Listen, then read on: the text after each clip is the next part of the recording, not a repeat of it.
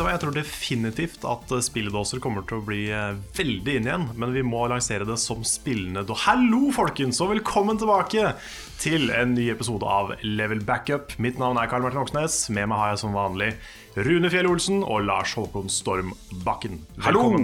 Hei, Karl. Hvordan er formen? Nei, nå er det ganske bra, egentlig. Ja, min også. Jeg har vært oppe siden halv sju i dag. Ja, Klokka er jo nå litt over hver hva er klokka? Den er sånn kvart på elleve. Kvart på elleve, ja. Mm. Jeg skulle si litt over ti, men den vi er, vi er litt somlete. Ja, den var det i stad. Det var det det var det i stad. altså, ja.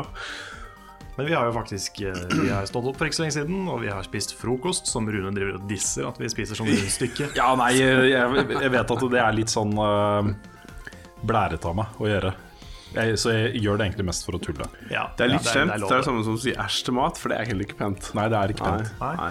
Men dere har hatt det så koselig her. da Det var jo stream her i går. Jeg var dessverre ikke til stede, men uh, det var jo dere to, og så var jo Frida her, og Audun.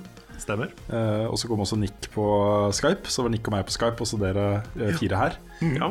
Og eh, du, Lars, og Frida har jo sovet her også. Så når jeg kom her, så satt jo alle liksom med søvn i øynene og ja da. Ja. Hvor er senga, egentlig? Satt du den et sted? Nei, ja, nå satte jeg den tilbake på rommet. Jeg vet ikke Å, ja, hvor ok. eh, Ja, det, er, det er luksus. Som, som regel så er jeg som eh, rydder opp. Ja, nei, jeg tenkte det var jo greit liksom å få det vekk. For når jeg tenker på det nå, så tenker jeg at det kunne egentlig kanskje vært fin lyddemping at den sto der. Ja, det er sant. Så nå angrer jeg idet jeg kjenner at jeg har gjort det. Vi, vi kunne ha tatt, Det var en eh, sånn feltseng som eh, man kan liksom bøye ting. Ja. Så vi kunne jo på en måte bare bøyd den og så satt oss inni. Ja, Vi burde lage sånn putefort. Ja, putefort. skulle vi sitte bak en sånn Å, herregud, det hadde vært gøy. Det Ja. har vært en sånn serie av koselige ting. Det er sånn Først eh, stream, og så overnattingsparty, og så sånn putefort. Ja. Men jeg må, jeg må bare si noe om det når vi la oss her i går. For det var jo um, eh, Frida og jeg skulle sove. Jeg skulle sove på feltseng. Og um, det var litt av et sånn puslespill å få dynetrekk og putevar og laken til å gå opp, da. Ja, fordi jeg hadde putta alt sengetøyet som dere skulle få i vaskemaskin. Eh, Yes. Og så hadde jeg glemt å sette på tørketrommelen. Ja. Så det var jo vått. Så da, hadde da måtte jeg grave i skapet etter det jeg hadde. Og så Ja. måtte vi bruke, du måtte bruke en Chuck Norris-T-skjorte. Det var det det endte opp med. At jeg, jeg kledde da puta på en sånn Chuck Norris-T-skjorte hvor det sto Hva sto det? Det, altså, det, det, er en, det er litt morsomt, for det er en T-skjorte som jeg fikk av pappa for tre år siden. Eller Ja. fire år siden. Ja, Det var når Nei, det er mer. Det er mye mer. Det er når Obama ble president. Ja ok. Chuck wins, eller Chuck Ja, det has var already No won, need to vote, Chuck already won. Ja, riktig. Ah, Og det er da pappa som kjøpte, skulle kjøpe en litt sånn morsom Fleiberød-T-skjorte Ja. til, til meg. da Ja, Så jeg har ikke brukt den så mye. jeg, Men, jeg eh, skjønner det, liksom. Det sånn. Så jeg hadde tenkt å legge ut et bilde da hvor jeg hadde på Instagram og jeg tenkte å si at i natt skal jeg sikle på Chuck Norris. Men, ja. Nei, det var uh, Men det, det gikk bra. Det ble laken som trekk eller sånn, Nei, dynetrekk som laken og litt sånne ting. Så det var, uh, det var puslespill, men det var veldig koselig.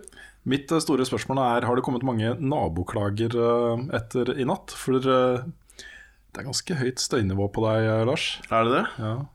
ja, altså, Mener du jeg prater høyt nå? Eller hva? Snorker. Du Å, snorker. jeg snorker, ja. ja. Det har vi jo. Vi har et lite klipp fra E E3 2014. Ja. Altså, jeg har en greie med at jeg snorker, og det er helt ekstremt hvis jeg sovner på ryggen. Da, da blir det jo Alt da, håp ute. Da er det Altså, jeg er, jeg er mer sliten om morgenen hvis jeg har sovet på ryggen, enn hvis jeg har sovet på siden. For jeg får sånn der at jeg Sånn pustestopp vet du, når, du, når det er så ille. Og det, det bare Jeg vet ikke. jeg Burde sikkert ha operert eller et eller annet sånt noe. Jeg har ikke peiling. Men det er faktisk Det er skikkelig drøyt. Og jeg er helt sikker på at det går i arv, for jeg har både bestefedre og fedre og gud veit ikke hva som snorker. Men det er Så liksom når, når Level Up skal samles ja, og ha overnattingsopplegg, da er det ingen er som vil ha Lars på besøk. Altså, du, du er jo faktisk ikke den verste. Er ikke det? Nei, fordi eh, vi var jo på hytta uh, i, uh, rett før jul. Ja. Timon Cato. Til Jon Cato. Og da delte jeg rom med Bjørn.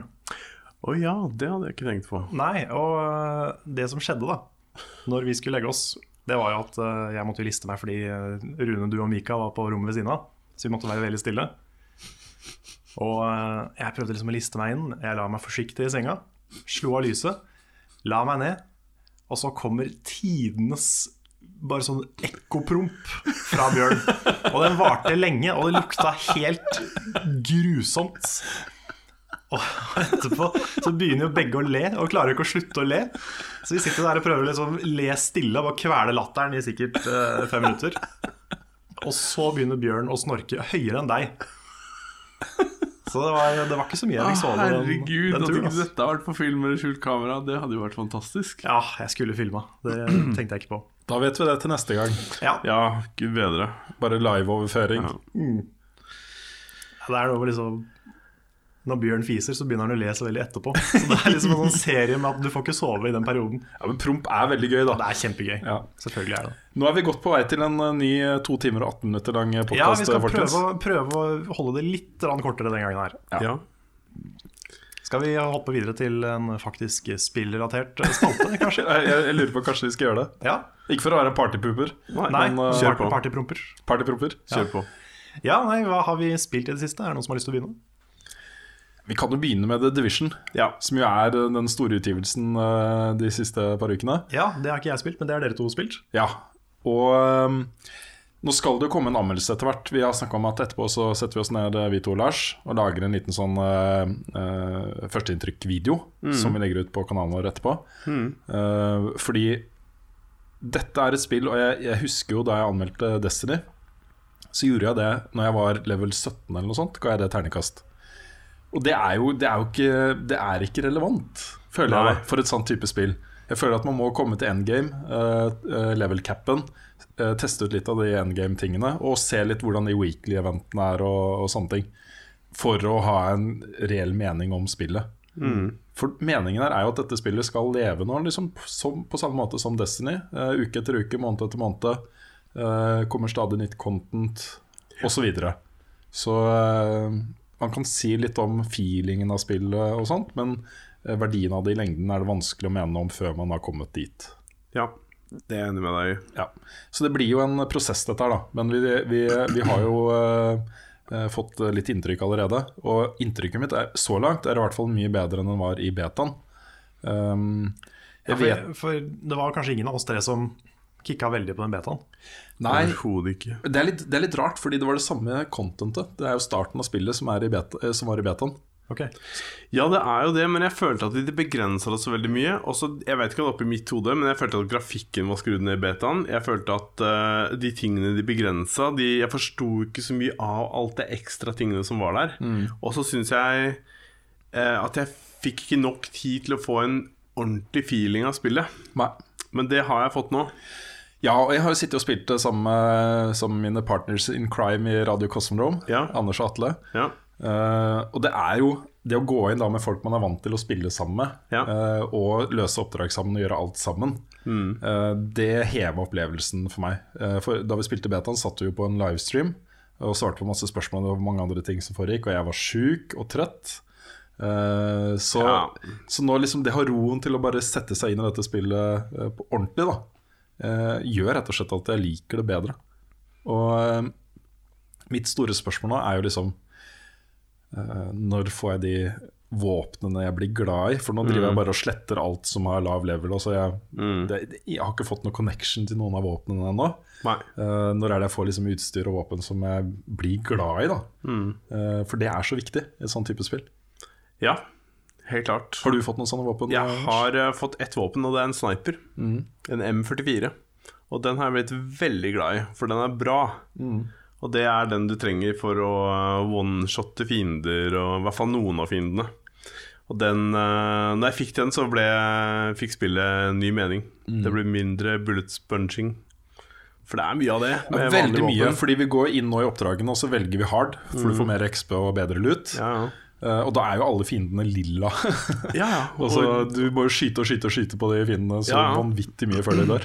Ja, det er eh, vi, har, vi har prøvd det, vi også. Og da Det, det er så morsomt, at hver gang vi har kommet inn For vi har liksom kommet inn én og én, så da har vi, har vi vært sånn La oss si rundt level 10, og så har vi tatt inn én som var level 4. Og han stakkaren som er level 4, som blir med på de der mot level 12-kara vi slåss mot, han har jo ikke kjangs. Nei, han er ikke nærheten. Men han får jo en huheis mye XP på slutten, så det, plutselig så er han liksom levela opp som bare det. Ja. Så det, men det har vært veldig morsomt. Mye morsomme scenarioer der. Eh, Det er sånn at Du kan få en trophy med å revive en person 20 ganger. Vi har fått den, for å si det sånn! Ja, på ett mission. Hæ? På ett mission? Ja, på ett mission, ja. Wow. Det var sånn her Oi, der kom den, ja. Det er sånn her, Ja, det er um, Det har vært mye av det. Det er sånn derre Ja, nå er jeg oppe, så ah, der, der er jeg igjen. Ja. Det, men det, det er jo gøy når man spiller sammen. Det, Det er er, det. definitivt også et sånn type spill, det her, altså. Ja, så liker jeg også settingen. Jeg syns bakgrunnshistorien er litt, uh, litt teit. At det er sånne sleeper agents som plutselig liksom De er leger og lærere og taxisjåfører og sånt, men når Ja. det liksom, ting går til helvete, så lyser den klokka deres, og så skal de inn og redde verden. på Så en er det måte. blitt kalt er, ikke du, er ikke du en sånn? Jo, alle er sånn. Jo, Ja, men jeg, alle jeg er noen en sånn. sånn Og sånn egentlig, ja. Ja, Har, du, har du lov å si det? ja, jeg sa det nå. Så Nå er det ikke sånn er egentlig Nå er det liksom blown. Ja. Ja. Ja, men jeg, jeg, syns, jeg syns den setupen er litt teit, da. Den er litt sånn, øh, litt sånn skolestil, ungdomsskolestil. øh. ja, det finnes jo sånne gamle actionfilmer som har vært sånn, er det ikke det? Nei, jeg vet ikke, altså. sånn type. Men, eh, men det har ikke så mye å si, fordi, eh, fordi eh, altså den type bakteppehistorier er ikke så viktig i denne typen spill, føler jeg. For det handler mer om opplevelsen du har, og utstyret du jakter på, um, den type ting, enn hvorfor du faktisk er der. Så Ja, for jeg merker at når vi flyr rundt sammen, så sliter jeg med å være um, For å få med meg story-elementene. Mm. Vi vi driver og leter etter noen folk i hytt og pine, men hvorfor de er borte og hvem de er, det, det går fort glipp av. Altså. ja, jeg bryr meg ikke så mye om det. Nei. Så, så har det vært noen begrensninger uh, i starten. Uh, Mm. Serveren har vært litt uh, opp og ned. litt planlagt og litt ikke planlagt. Og så har jeg sett noen fantastisk fine bilder hvor folk står i kø er for å få åpningsmission. Det aller første missionet. Jeg har hørt noen rykter om en sånn skjerm Ja, som folk ikke får slått på, eller noe sånt. ja. ja Er det er det riktig, for du, du må aktivere den skjermen. Og jeg vet ikke om det er bare fordi folk ikke liksom gikk akkurat riktig sted for å få den. Mm. men akkurat der så kan du på en måte ikke Det er ikke klipping, så du kan ikke gå inn i andre for å komme bort til den skjermen. Aha. Så det endte opp med at folk buncha, og så begynte folk å organisere køer. Så Ja. de bildene er så morsomme. De står i køer ut av, ut av bra. rommet og langt for å bare starte åpningsmissioner, liksom. Ja, jeg har hørt noen rykter om at folk har drevet og trolla andre spillere ved å stå i ganger, sånn at de ikke kan komme seg videre. Ja, ja, ja. Er, ikke det, er det ikke veldig dumt å ikke ha klipping? Ja, det er jo klipping eh, når du kommer liksom til eh, Det er også litt morsomt når du spåner inn i et oppdrag for eksempel, eller går mellom instances. eh, Så er plutselig alle i hverandre. Wow. ja. Ja, riktig. Så da tror jeg det er det, men jeg vet ikke. Ja, fordi det, det er jo en litt plagsom greie. Vi har vært borti det. at det står en og blokkerer døra for oss, liksom. Ja. Men det, det er jo sånn hvis du, går, hvis du går på og pusher, liksom, så kommer du deg forbi til slutt. Men det tar jo lang tid. Og det er veldig irriterende at et sånt element skal få lov å eksistere, liksom. For det, det fører til at folk har lyst til å griefe. Så, Ja da. um, Og så Dette spillet her er en sånn perfekt arena for griefing. mm, Eh, For du har det elementet, og så har du eh, Dark Zone, mm. hvor eh, folk går inn for å få lut. Og du kan velge da å gå rogue og ta lutet til de andre. Ja, ja. Og det, er, det kan være kjempegøy, og så kan det være utrolig plagsomt. Og så Hvis du bruker da, si en time i Dark Soul for å skaffe lut, og det kommer noen skikkelig overpowered bastards som bare Ja. dreper deg og tar lutet ditt, så får du ingenting ut av det. Du kan miste alt du eier og har. Ja, jeg vet er- ikke hvor god idé det er i lengden, altså. Men uh, det er jo gøy hvis du er den som har de beste våpnene og Ja. høyeste levelet. Kanskje de, kanskje de ender opp med å lansere en ny mode hvor ikke man kan gjøre det. Jeg vet ikke. Ja, for nå har jeg ikke vært eh, Jeg har ikke sjekka opp dette her med Dark skikkelig, men er det jeg tenker Hvis du møter en som er liksom 20 level høyere enn deg, vil han være mye mer powered enn deg? Eller Ja. er han eh, Eller vil dere bli synka på nivå? Blir ikke synka på nivå etter Nei. det. I hvert fall ikke betaen. Um, Nei. Jeg vet ikke hvor Jeg skal ikke si 100% sikkert hvordan det er, faktisk er, Ja. er der, men øh, jeg tror level betyr noe. Ja, På et eller annet tidspunkt så vil jo alle være level 30, Mm. og da, da har det kanskje ikke så mye å si. Nei. Men øh, i hvert fall i den veien opp dit, da, på jakt etter lut og sånne ting. Ja. For vi gikk inn i Dark Zone ganske tidlig. For vi Ja. bare La oss komme oss inn i Dark Zone. Vi gjorde et par missions, så gikk vi inn i Dark Zone. Da var vi sånn level 4-5. Og så kom vi inn der, og så er liksom fienden du møter, er level 15. Mm. Vi brukte et kvarter på å ta én person, sånn, og da mener jeg en sånn, da, sånn AI, ikke en annen person, liksom. Mm. Det var helt håpløst. Vi måtte bare gi opp. Alt vi skaffa der inne, gikk jo øh, Forsvant med en gang. Det var ikke kjangs. Ja.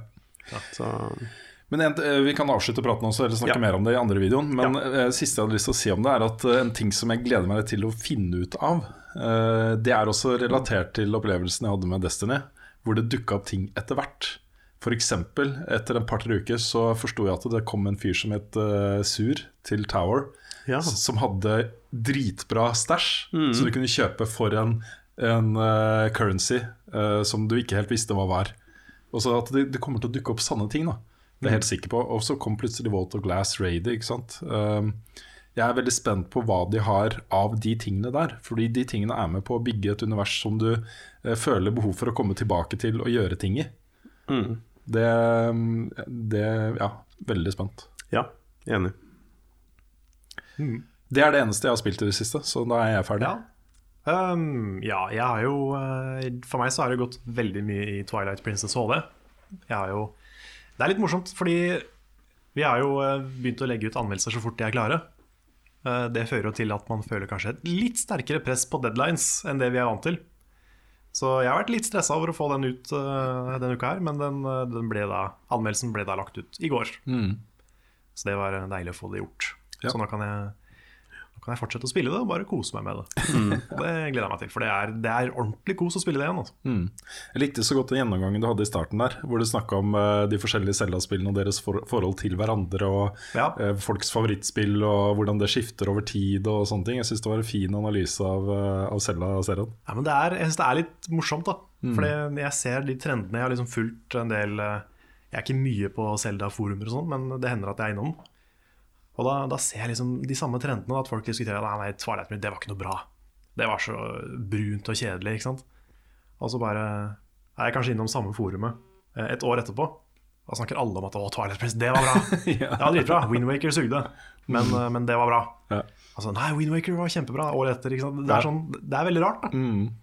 Så det virker som det går sånn Folk har sånne faser av liksom Selda Zelda appreciation. Mm. Så det er litt, det er, det er litt morsomt. Ja, det du konkluderte med, syns jeg også er veldig riktig. Eh, at eh, kanskje grunnen til at det blir sånn, er at alle Zelda-spillene egentlig er innmari bra. Ja, for de er jo det. Ikke sant? Det er jo i hvert fall, Hvis du ser bort fra både de der CDI-uoffisielle drittspillene um, og liksom noen spin-offs, kanskje. Jeg har f.eks. ikke spilt uh, Tingles Rupiland, eller hva det heter for noe. Jeg vet ikke om det er bra. Kanskje det er det. Men, um, men ja. Ja, jeg har det- fortsatt til gode å spille et dårlig Zelda-spill. Og selv altså, alle håndholdte versjonene har jo vært bra, liksom. Det er ja, til og med de som er kanskje minst populære, sånn som uh, Phantom Hourglass og de der. De, Jeg likte de òg. Ja, ja, det er kjempebra spill. Mm. Det er liksom Alle hovedspillene i serien er minimum sånn åtte av ti, ikke sant? Ja. Så Nei, de har, de har holdt kvaliteten oppe. Altså. Det er egentlig ganske utrolig at de har klart i så mange år. mm. Så nei, jeg koser meg. Det er liksom alltid veldig behagelig og veldig gøy å sitte og spille et Zelda-spill. Mm. Så øh, jeg var litt redd for at jeg kom til å kjede meg å spille det, for jeg har spilt Twilight Princess mange ganger før. Kanskje spilt gjennom hele spillet tre ganger. Men uh, det gjorde ikke noe. Det er bare gøy og deilig å sitte og spille det. Mm. Ja, jeg har lyst til å spille det selv også, Fordi jeg jeg har jo ikke spilt det siden eh, jeg spilte det første gang. Da Nei. spilte jeg jo gjennom, så Ja, Men da du vil nok oppleve at du har glemt mye. Ja, jeg huska Jeg satt jo og så på streamen eh, i går. Jeg huska jo tingene. Ja, Men jeg, jeg visste ikke hva som skjedde etterpå. Altså jeg visste, og Dette har jeg sett før, Ja. men jeg, jeg kunne ikke huske hva som skjedde etter det. liksom Nei. Nei. Så det er litt på det nivået. Ja. Og Det er litt morsomt, det, fordi jeg har oppdaga at eh, etter hvert som man blir eldre, og tida går, på en måte, så glemmer man. Og jeg ble så glad når jeg oppdaget det. Fordi eh, man kan gå nå og lese Jeg kan gå nå og lese bøker jeg leste for ti år siden, og så husker jeg ikke hva som skjer. Oi. Og så dritbra bøker, liksom. Kjempebra, som jeg, har, som jeg husker som veldig gode. Og så husker jeg ikke handlingen helt. da Så jeg får en, den samme, nesten den samme leser, leseopplevelsen av den boka i dag som jeg hadde for 10-15-20 år siden. Ja. Det er ganske kult, altså. ja, da kan du gå og liksom glede deg Å, jeg gleder meg til jeg glemmer den boka der. Ikke sant? Ja, men Det er litt sånn. Ja. Jeg begynner å tenke sånn om f.eks. Breaking Bad. Og Ja, ja. Nå tror jeg faktisk jeg kan sette meg ned med Sopranos å se det igjen og få litt den der nye opplevelsen av den serien igjen. Jeg får håpe ikke at de greiene her akselererer så fort at det blir sånn der Det har gått ti minutter, og så har du glemt det igjen, og så begynner det virkelig å bli problemer Å, her. den boka var bra. Hva er det der for? Vet du hva, Jeg har opp Jeg har faktisk kjøpt opptil flere bøker som jeg har lest før. Jeg leser bak på coveret, ikke sant, så bare Å, det her virker som en bok jeg har lyst til å lese. Det er akkurat up my alley. Og så viser det seg etter at jeg leser liksom kanskje 100 sider av den, og så er det sånn Vent litt, det er noe kjent her. Ja, og så leter jeg bokhylla mi, og ja, hm, jeg har, den står der også. Ja, ja. Ja. ja, nei, jeg, har ikke hatt tid til å spille så mye annet enn uh, enn Zelda. Nei. Jeg vet ikke om jeg har spilt så veldig mye annet enn uh, som er verdt å nevne, egentlig. Uh, jeg har spilt litt Uncharted, da. Selvfølgelig betaen. Men Ja, bortsett fra det, så har det bare vært uh, The Division, egentlig. Det så jo faktisk gøy ut, da. Den Uncharted uh, Men- Ja, det, jeg syns det var, øh, var veldig gøy, jeg. Det var øh, Det var litt sånn Det var litt sånn Litt awkward på en måte, men det, er, øh, det tar litt tid å bli vant til det. Så merker jeg jo det at alle sånne tredjepersons skytespill Det krever noe helt annet av meg enn FPS. Så mm, ja. Som også var sagt at eh, det konseptet du og Nick er i ferd med å etablere nå, uh, Nick-Lars, Ja, det er bra, altså. De, Dere har en sånn tone i Dere de videoene en- som er fantastisk. Ja, dere har en veldig morsom kjemi. Mm, eh, i dere har det. videoene. Dere utfyller hverandre veldig bra. så det er uh... Ja, jeg, de, jeg, må, jeg har jo sett på det selv, og det, blir, det er veldig awkward. Vi snakker jo om alt annet enn det vi, det vi gjør. Det blir jo en norsktime, liksom. Det er uh, Altså, når jeg legger opp til at Nick skal si vanskelige ord, det er bare Jeg burde ikke gjøre det. Så men, men det er veldig morsomt allikevel. Jeg syns det i hvert fall er kjempegøy. Stakkars Nick får gjennomgå noen ganger. Altså. Ja. Det er sånn at man får høre på språk, og vi prater om å sende aleine på tur. Og Ja, bare ting han er redd for. Men også, eh, Nick er en eh, utrolig bra fyr, altså. Ja, ja, ja. Og den Hitman, han hadde jo en eh, video av uh, Hitman-betaen også. Den var jo så morsom! mm. Og når han liksom går bak og tar kvelertak på folk, og så sier han bare hysj, hysj. Da lo jeg høyt, altså. det var utrolig gøy. Ja, ja han, er, han er en veldig, veldig bra fyr. Så det Han utvikler seg eh, omtrent for hver video og hver han ting han altså. lager, liksom. Så Ja. det, man merker at han har progresjon. Og det er, eh, det er kult å se. Det er det. Det er, det er bra vi fikk med Nick på laget Ja. tidlig, før noen andre gjorde det. Ja, ikke sant? Det er tid for nyhetsspalten, og jeg setter glatt over til vårt nyhetsanker Rune Fjell Olsen. Ja. Du har scenen. Jeg har scenen.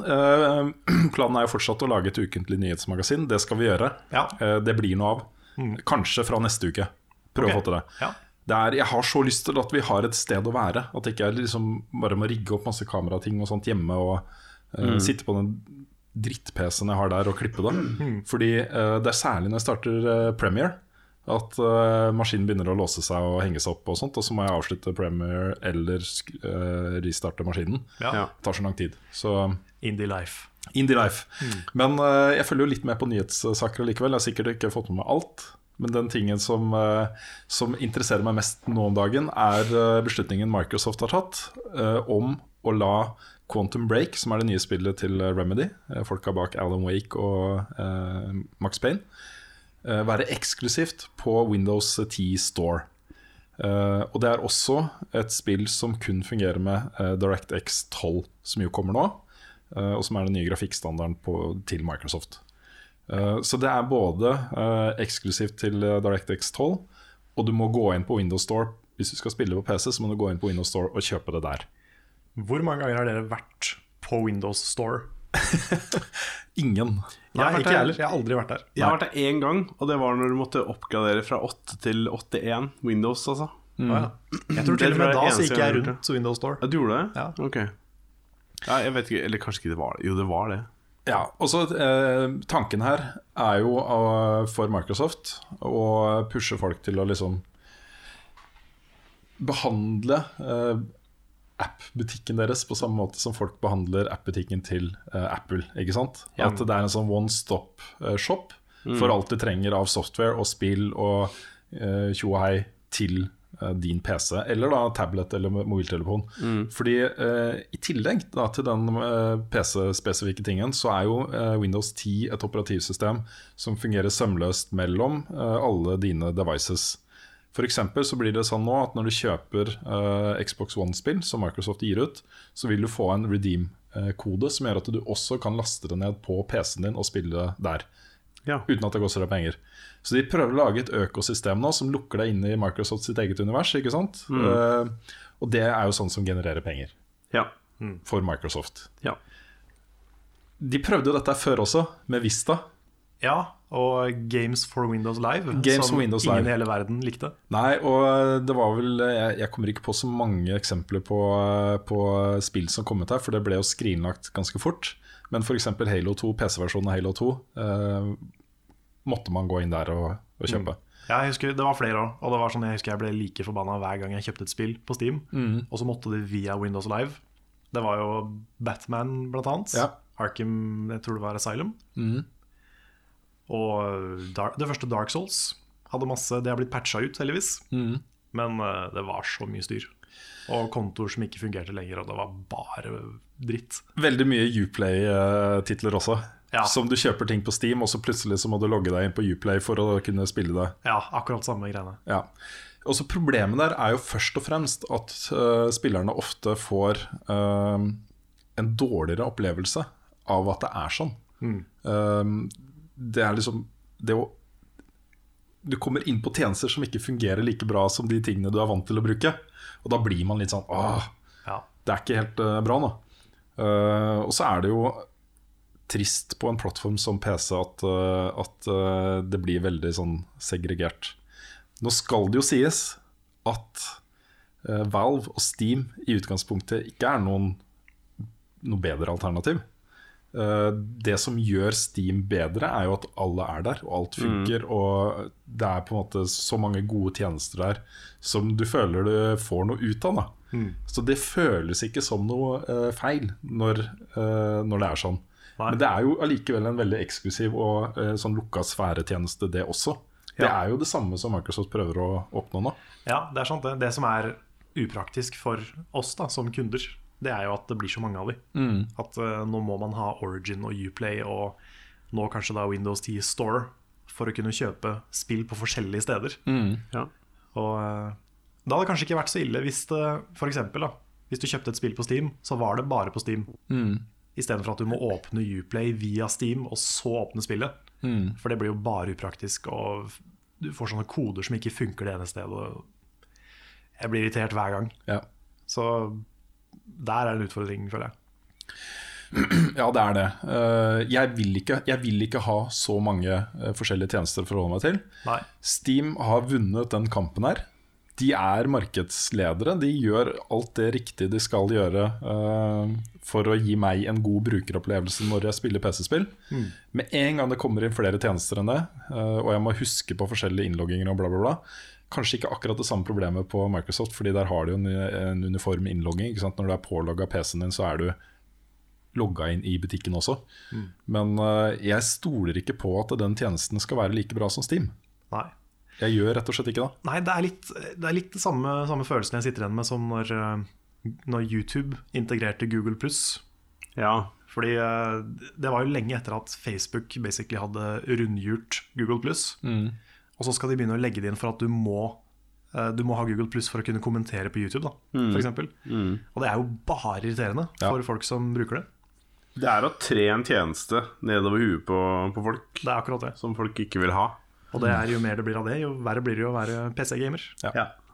Det jeg skulle ønske skjedde på PC som plattform, er at man kunne gå inn og velge seg sin favorittjeneste, og så var det meste tilgjengelig der. Ja, Litt som en nettleser, liksom. Litt som nettleser, men det er jo blitt litt sånn Det er mange spill som kommer ut på Steam og Good Old Games f.eks. GOG er jo i ferd med å bli nå en plattform som begynner å ta litt igjen Steam i omfang og innhold. Um, Er de alltid eh, holdt på å si DRM-frie? De har de ikke en regel om det? Uh, alle gamle spill i hvert fall. Jeg vet ikke om det gjelder nye de, spill også. De nye er kanskje ikke det. Jeg tror ikke det. Men, uh, men de, de har jo blitt skikkelig skikkelig bra de siste par årene. årene. Jeg har kjøpt mye kult på Good Old Games. Det gjør det, altså.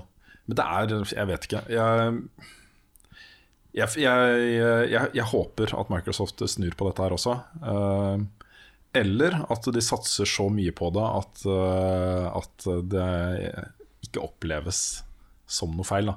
Nå skal det også sies at, eh, at Quantum Break er et ganske greit spill for de å teste dette på. Fordi eh, selv om det nå er sånn, jeg så noe tall på det eh, På Steam så er det noe sånn som 30 et eller annet prosent av brukerne som har Windows 10. eh, og 60 et eller annet som har eh, eldre Windows operativsystem. Eh, så de mister jo ganske mange der, men jeg tror de aller aller fleste som, spiller, Quantum, som har lyst til å spille Quantum Break, vil gjøre det på konsoll. Og da faller på en måte litt problemet bort, da. I hvert fall for de. Fordi Ja. på konsoll er det sånn du har kjøpt en Xbox One. Ja. Når du starter den, så logger du deg inn, du er innlogga. Eh, Og der har du spillene dine. Det er ikke noe eh, hokus pokus, liksom. Det er bare å logge seg på. Det er den ene tjenesten. Det er Xbox Live og Xbox uh, Store som, som er der, liksom. Ja, Men det også er jo en ganske viktig ulempe med det å gjøre spill eksklusive til Windows 10. Det er jo det at alle som ikke har Windows 10, får ikke spilt det. Hvis du har Mac, det er ikke så mange spill på Mac nødvendigvis, men det er noen. Eh, hvis du har Linux, hvis du har Altså alt som ikke er Windows 10, da. Det, det er jo mange det gjelder. Som da må endre operativsystem for å få lov å spille de spillene som kommer. Det, det er jo kjipt, det òg. Ja, samtidig så er jo eh, DirectX-standarden til Microsoft Det er jo på en måte som en konsoll. Også den introduserer nye grafiske muligheter og tekniske, teknologiske muligheter uh, i spillene, som på en måte driver den utviklingen videre. Så eh, hvis man ser på det som en plattform, da, så er det på en måte som å oppgradere som å kjøpe en ny konsoll. Det å få muligheten til å kjøre DirectX 12. Jeg vil gjerne ha PC-spill med de beste grafiske og tekniske mulighetene. Ja, men det, det er liksom, da trer det jo Windows 10 litt sånn kunstig på det. da Jeg, jeg, jeg får jo den der eh, requesten om å oppgradere til Windows 10 hver Ja, dag. Det er den pop-upen jeg får. det, er liksom, det er litt morsomt at liksom de to pop-upsa jeg får på, på PC-en min, det er det. Ja. Og så er det fra antivirusprogrammet. Som fortsatt ligger der av en eller annen grunn. Det burde, trenger jeg sikkert ikke det. Ja, jeg har det, den pluss eh, oppgradere Java. Ja, ja, den også kan man få noen ganger. Ja. Det beste antivirusprogrammet du har, er jo deg selv. Ja, Sånn det, strengt tatt. det er sant. Nei, men jeg, jeg vet ikke. Jeg forstår at Microsoft gjør dette her, eh, men jeg liker det ikke. Nei, Nei det er Nei. fint konkludert. Eh, den andre nyhetssaken vi skal snakke om, er noe som du fant, Lars. Ja. Dette handler om markedsføring av eh, The Division. Ja, jeg syns bare det var en morsom greie. Det var, um, det var en sak hvor uh, Ubisoft hadde skrevet at uh, Eller markedsførte The Division som at uh, Nox ja, Hva sto det? Nox Destiny Nox out of the water. Ja, ja nettopp. Ja, jeg stemmer. Og, og refererte til at det var GameZone eller sånt som hadde skrevet dette her. Yep. Um, og det som var saken, var jo at de hadde jo ikke Det var jo ikke strengt tatt det de hadde skrevet. Og når man går inn og sjekka det, så var det det at de hadde var, De hadde skrevet i forbindelse med at betatestingen av The Division hadde fått såpass mye flere spillere at det var det som knocks Destiny out of the water. Ja, det hadde flere, no, et par millioner ekstra spillere, Ja. rett og slett. Og det, jeg, jeg syns det er så Jeg veit ikke hva jeg skal si, men det er jo utrolig hvordan de klarer å være så kreative og vri på en setning som handler om noe ganske annet enn salgstall, da. Jeg skjønner, ikke at er de, jo- jeg skjønner ikke at de tør. Nei. For det er Nei. jo så lett å ta de på det. Det er det. Det var et annet eksempel der også, hvor uh, quote var noe sånn som uh, Best new franchise uh, something something. Ja, ja, ja. Og det var da fra en kåring som IGN hadde uh, på E3 2013. Um, hvor hvor de da kåra Destiny, nei, Destiny, ja, The Division til den beste nye franchisen som ble vist frem på E3 2013. Ja, Men riktig. er liksom Best New Franchise, IGN. Ikke Ja. sant? Ja, de kan jo i teorien liksom ta uh, setningen 'This game is the best example of shit I've ever seen', og så kan de bare kutte bort This game is the best. Ja. Det er jo det er nesten det samme. Bare Det er litt ekstremifisert eksempel, men det er jo det de gjør. ja. Ja. Eh, egentlig så er det, det er en kuriosa. Markedsføring er markedsføring, men det er Ja. pokker også. Jeg har jo fått uh, mange spørsmål fra uh, norske publishere, også de norske avdelingene og også en del skandinaviske, som, som har spurt da, om det er greit å bruke dette kvotet i markedsføring av spillet vårt. Og da har jeg vært veldig nøye på å, på å sjekke om kvotet er representativt for vår faktiske anmeldelse av spillet. ja. Eh, og i noen tilfeller så har jeg sagt nei, fordi det har vært tilknytta en, en eh, reportasje eller en nyhetssak eller en preview eller noe, hvor uh, meningsinnholdet i uh, setningen ikke sier noe om kvaliteten på spillet. Nei. Ikke sant? Så, så i hvert fall så opplever jeg at de fleste som bruker quotes fra våre ting i Norge og Skandinavia, Norden og Europa, er flinke til å sjekke med oss om det er greit. Ja. Det må Ja. man jo på en måte gjøre. Ja For ellers så er i hvert fall- misbruker du jo pressen. Ja, ja, det er i hvert fall veldig ryddig å spørre først. Ja. Jeg tenker det blir veldig misleading for alle de som skal sitte og konsumere disse spillene her, og få et inntrykk av det, og så, så leser de ting, og så kommer de til å ta videre at ah, det her er spillet det er eh, mye bedre enn en Destiny, og det, det, det har solgt mye bedre enn Destiny, og tjo og hei, liksom. Og det mm, bare på grunnlag av noe som står der som Hvis du går inn i materien, så finner du ut at å, ja, det er ikke helt sånn, sånn det er. Så jeg veit ikke om det vet ikke om Forbrukerrådet eller hva det er ville ha slått ned på en sånn type ting, men jeg, jeg syns det er litt spekulativt da av, eh, av dem å gjøre det. Det er eh, spekulativt. Det er det. er det. det er Ja. Vi går litt videre til eh, siste lille saken som jeg hadde lyst til å snakke litt om. Yes. Det kom en twittermelding fra uh, David Hater, Ja. som jo er eh, stemmen til Snake i alle Metal Gear Solid-spillene unntatt nummer fem. Mm. Som jo uh, Keefer Sutherland tok over. Mm. Uh, han skrev en tittelmelding for uh, da tre dager siden. Eh, det blir ja, tirsdag. Ja, ja, det blir vel det. Meldingen er sånn som Colonel, what's the meaning of this? Why am I back in this booth? Og så er det hashtag Snake Mystery. Og så er det et bilde fra, som det står overdubs. Og så er det blackout, det som står etter overdubs. Og så står det Codec Call. Og så står det Campbell Snake. Today's briefing is of the utmost importance. Og så står det Snake kolon. What is it, Colonel? Så han, han er da tydeligvis i et studio og leser en dialog til et eller annet Metal Gear-relatert. Ja. Hva i all verden kan det være? Ha. Kanskje de kan gjøre sånn som uh, Dette her var jo det Nolan North uh, snakka om. Kanskje han skal spille inn hele all voicinga til Metal Gear 5 på nytt, og så kommer det bare en patch som bare bytter ut hele Keeper Sutherland. Det, Jeg kan, vet ikke. hende. det gjorde jo Nolan North kjemperedd. Ja, Det at det faktisk var mulig. ja, Hvor eh, Peter Dinklage bare ble buta ut fra hele Destiny. ja, ikke sant? Det er jo, altså Som voice actor så er det sikkert det kjempeskummelt. Eh, Det er en teori, da. Den teorien som er eh, dominerende rundt akkurat den Twitter-meldinga. Mm. Fordi eh, Konami har jo nylig gått ut og stoppa et prosjekt eh, som skulle remake eh, hele Metal Gear Solid 1. Mm. Dette kan være en remake av Metal Gear Solid 1. Aha. Og den tror jeg er, den er ganske plausibel også, at de jobber med det. Ja. Det hadde vært kult. Det hadde vært kjempekult. Ja, gud bedre. Eh, men så blir jo det store spørsmålet Er det greit når på en måte de har buta ut eh, Kojima og på en måte alt den dritten som har kommet opp i forbindelse med det? Skal man da fortsatt eh, omfavne Metal Gear-serien i regi av Konami, eller skal man si liksom Greit. Jeg vet ikke. Nei, det er et godt poeng. Jeg håper ikke det er en Metal Gear Solid pachinko-maskin voicer ting til.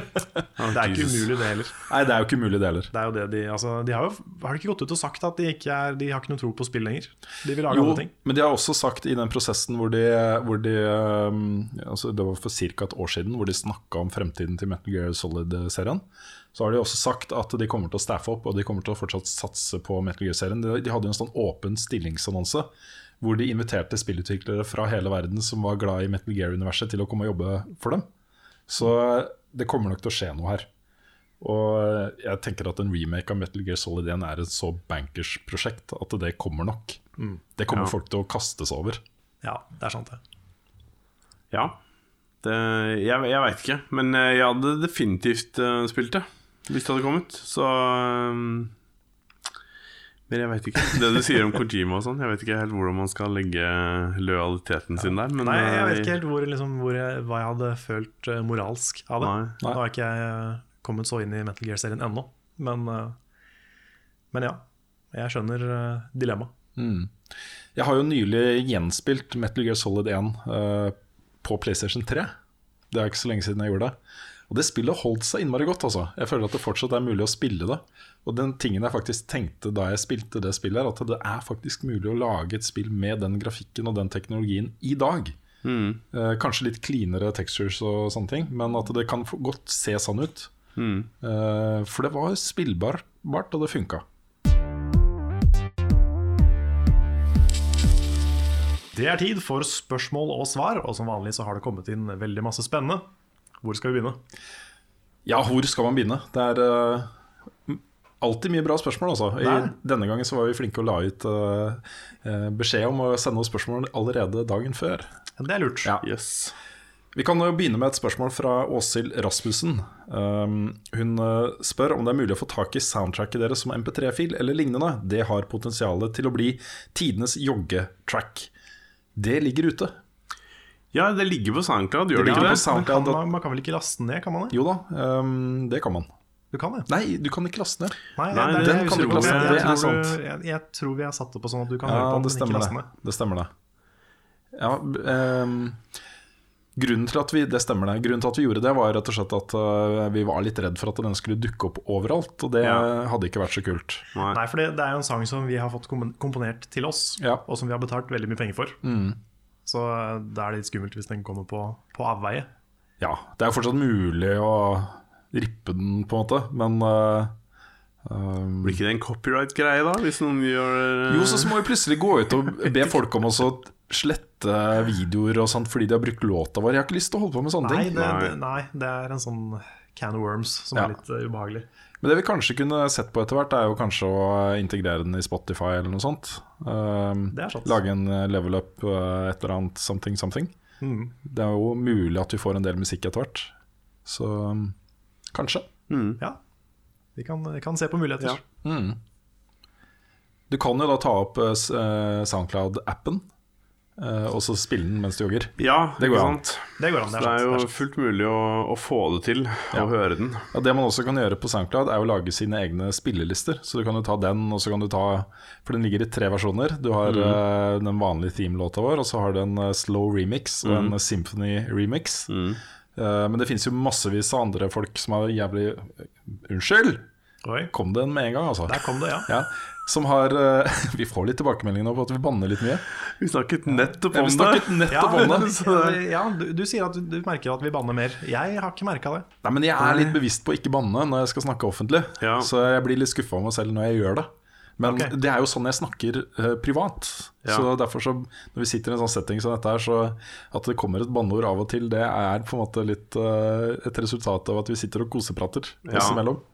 Ja, det er sant, det, altså. Mm. For det er jo kjempekoselig å banne. Ja, det er, Det det er litt, litt, det er litt folkelig. Er ikke det? Jeg vet ikke. Ja, nei, jeg vet ikke. Altså, jeg banner jo av natur egentlig veldig lite. Mm. Men uh, jeg bruker mye sånn som for eksempel jeg, jeg føler liksom ikke at fuckings på norsk, det betyr jo ingenting. Nei, det jeg gjør føler ikke det. at det er et banneord. Nei, fuck og shit og sånt kan Ja. vi si så mye vi orker. Ja, jeg syns jo det. Ja. For det, det, eh, er, det er det jeg sier mest av sånne ting. Mm. Ja, Det er jo på en måte mer slang enn det er eh, 'nå skal vi eh, spotte Gud', liksom. Det er jo ikke Mm. Så eh, jeg vet ikke. Men, men jeg, det jeg syns da er at eh, når man skal uttale seg offentlig som journalist eller noe sånt, det å banne er unødvendig. Altså det er eh, man, man trenger ikke å banne. Det er Nei, litt sånn det- det Ikke det er vulgært, kanskje? Jeg vet ikke. Litt sånn Ja. Ja, jo. Ja, altså jeg tenker at når man, skal ha, når man har et I hvert fall sånn som du, da som har et bra ordforråd og har uh, god peiling på norsk, så tenker jeg at eh, I have words. Ja, I hvis, have many words. hvis du bruker mye banneord. Hvis du bruker mye banneord, så kan det føles ut som du er Som du kanskje ikke har så godt ord ordforråd, eller at du ikke blir blitt uintelligent. Over tid, mener jeg, hvis du bruker mye av det. Mm. Nå føler ikke jeg at du gjør det, så jeg Det var ikke meninga å klandre deg for det, men uh... Jeg kan, jeg kan i hvert fall si at uh, de banneordene jeg bruker på privaten, er ganske mye uh, røffere i kantene enn de jeg bruker innimellom her. Ja. Ja, Rune Unrated. Ja, det hadde kanskje vært noe. Ja, Kanskje en greie. ja vi får få deg til å spille Bloodborne, så, Uh, ja. så kommer det. Men hva var det jeg skulle si? Nei, Nei det var, en, om det den var en eh, digresjon på et eller annet. Ja. Um, Vi snakka om eh, musikken, da. Eh, jeg vet ikke ja, jeg vet ikke. Nei, men Nei, jeg husker ikke jeg, det er, Den digresjonen bare tok jeg Ja, helt uh, overhånd. Det ble en banneprat isteden. yes! Da har vi sikkert svart på spørsmålet til noen andre. Det har vi nok. Kanskje. Um, ja, jeg kan ta et fra Henrik Gjerpes, Gjerpseth. Hei, hvilke andre hobbyer slash talenter har dere enn spill? Er, dere, er en av dere eksempelvis eksep eksepsjonelt gode på kjøkkenet, eller er kanskje Lars tidligere kretsmester i turn? Knallgøy podkast, sier han. Tusen takk. Ja, har vi noen talenter? Eller hobbyer? Altså For min del, dette har jo vært mitt virke nå i eh, snart 20 år. Eh, det å eh, mene om ting om spill og skrive om spill og være journalist. Så alle de andre talentene som jeg hadde eh, for 20 år siden, de er jo ikke til stede på samme måte i dag. Eh, men jeg holdt jo veldig mye på med grafisk design og, og sanne ting. Både før og rett etter at jeg begynte i VG. Så, så der, der har jeg vel et slags eh, talent. Jeg kunne blitt grafisk designer hvis jeg ville, på en måte. Men uh, det er en stund siden nå. Mm. Jeg har fortsatt litt den der visuelle. Jeg kan jo lage liksom uh, iTunes-bilder og topper til websider, og jeg kan jo, kan jo gjøre sånne ting. Ja. Men eh, det er jo ikke nærheten av å være liksom like bra som en skikkelig designer. Nei. Nei. Jeg er ikke kretsmester i turn, men jeg har, eh, jeg har jo spilt uh, i korps i mange år. Og eh, jeg kan jo spille trombone, og kan for så vidt spille en del andre instrumenter også. Så um, det er sånn, det har jeg ikke gjort på veldig mange år, men jeg tenker at hadde jeg tatt det opp igjen, så hadde det sikkert Det hadde sikkert gått greit. Men uh, det er vel den eneste sånn Jeg vet ikke om det er noe talent, det er en annen sak. Men uh, ja, det er vel det eneste jeg kan av sånne ting som ikke er relatert til ting jeg allerede gjør, liksom. Mm. Så ja. Ja, jeg tror det nærmeste jeg har et talent uh, sånn, som ikke jeg får brukt jobben så mye, da, det er kanskje historiefortelling. Det er liksom Jeg har jo gått litt sånne ting på skole og sånn. Det var, det var alltid liksom det beste faget mitt. da Og jeg har alltid vært veldig glad i det. Så uh, skrive historier, det, det er en ting som jeg liksom kanskje kunne blitt god til. Hvis jeg hadde dyrka det litt mer. Du er flink til det allerede. da. Jeg har ikke gjort det så mye på en stund. Nei. Det er, jeg lagde, lagde det spillet mitt da jeg var 17, og det er jo Ja, prosit.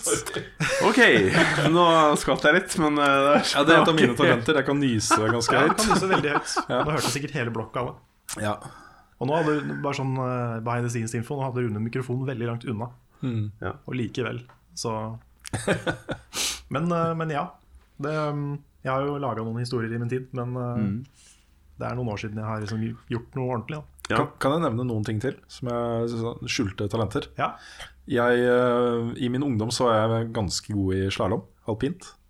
Eh, var litt sånn Ja, kunne blitt god, da. Mm. Okay. Uh, men det er jo en stund siden. Uh, jeg var også kretsmester i bananspising. Oi. I bananspising. Ja, Så det var et eh, sånn sommershow i, eh, på kanalen, ved kanalen i Moss. Hvor eh, det var bananspisekonkurranse. Og siden ikke det var noen andre bananspisekonkurranser i nærmeste omkrets, så ble det et kretsmesterskap. Så da, da vant jeg, og da fikk jeg en grill av Tande P. Oi. av Tande P? Mm. Wow. Wow. Så han som hadde showet. Og så må, det jeg er også, og så må jeg også nevne at jeg er veldig god til å lage barn. Jeg har prøvd å lage barn to ganger, Ja. og det gikk begge gangene. Begge gangene. Det er de to gangene du har prøvd? Ja. Ja. Så jeg har 100% suksessrate på det å lage Wow. barn. Oh, Jesus Christ. Det, ja, bra. Spennende. Jeg hadde mange oppfølgingsspørsmål her, men jeg, jeg tror vi ikke det egner seg ta den podkasten her. Men uh, ja. Mm. Sånn sett så har jeg veldig lav success rate. ja, sjæl. Um, noen Ja, andre vi- spørsmål? Ja, det, har vi noen flere? Ja, eh, Spørsmål fra Kristoffer Lien. Eh, Det er til deg, Karl. Okay. Tror du noe av sjarmen fra Nino Kuni forsvinner i oppfølgeren, da den eh, parentes sannsynligvis ikke har med seg Mr. Drippy? Oh, ja. Han har et spørsmål til, men det kan vi ta etterpå. Ok. Ja, nei, jeg tror ikke det. Jeg likte jo han Mr. Drippy, men jeg følte ikke han var liksom nødvendigvis stjerna i Nino Kuni. For meg, da. Jeg syns hele den generelle den universet og musikken og bare stemninga var det som gjorde at jeg ble veldig glad i det. Mm. Så jeg har, jeg har trua. Nå er, nå er vel kanskje ikke Studio Ghibli med, Nei, det er det ikke. nei. Så det er jo kanskje mer spennende. Mm. Ja, Det er vel en større forandring fra Ja, det, det tror jeg. forgjengeren. Mm. Men jeg, jeg har trua. Jeg syns det, det var så bra, det spillet. Så jeg tror de har Jeg tror Level 5, er det ikke det det heter? Jo. Ja, jeg tror de har det som skal til for å lage det bra. Altså, de har jo lagd ekstremt mange veldig gode rollespill opp gjennom årene. eh, med Dark Cloud uh, Dark Chronicle. uh, med Ja, hva heter de alle sammen? Jeg husker ikke alle. Eh, de lagde jo eksempel um, Å, pokker også, hva heter det spillet igjen, da? Vi går videre. Ja. Uh, det her kommer til å plage med resten av podkasten. Ja. Det er noe med det når man sitter og prater, så, Ja, så vet får- man hva man uh, Vi får sjekke det etterpå. Ja, jeg skal sjekke det etterpå. uh, Det andre spørsmålet til Kristoffer Lien er til oss alle. Er det noen spill dere har anmeldt i Level Up som dere ser for dere kommer til å få en, et klassikerinnslag i løpet av de neste årene? I så fall, hvilke ville det vært? Godt Der spørsmål. jo, der har jo du en litt lengre karriere bak deg enn det vi har. Ja, for så vidt. Føler ikke at noen av de jeg har anmeldt, kommer til å bli klassiker med det første. Så Du har ikke lagd så mange anmeldelser ennå? Nei. Nei. Nei. det er tre, vel. Ja, noe sånt. Ja. Uh, Bioshock og Bioshock Infinite. Uh, Bioshock var jo før Level Up sin tid, tror jeg. Jeg er ganske ja, sikker på det. det var det nok. Ja.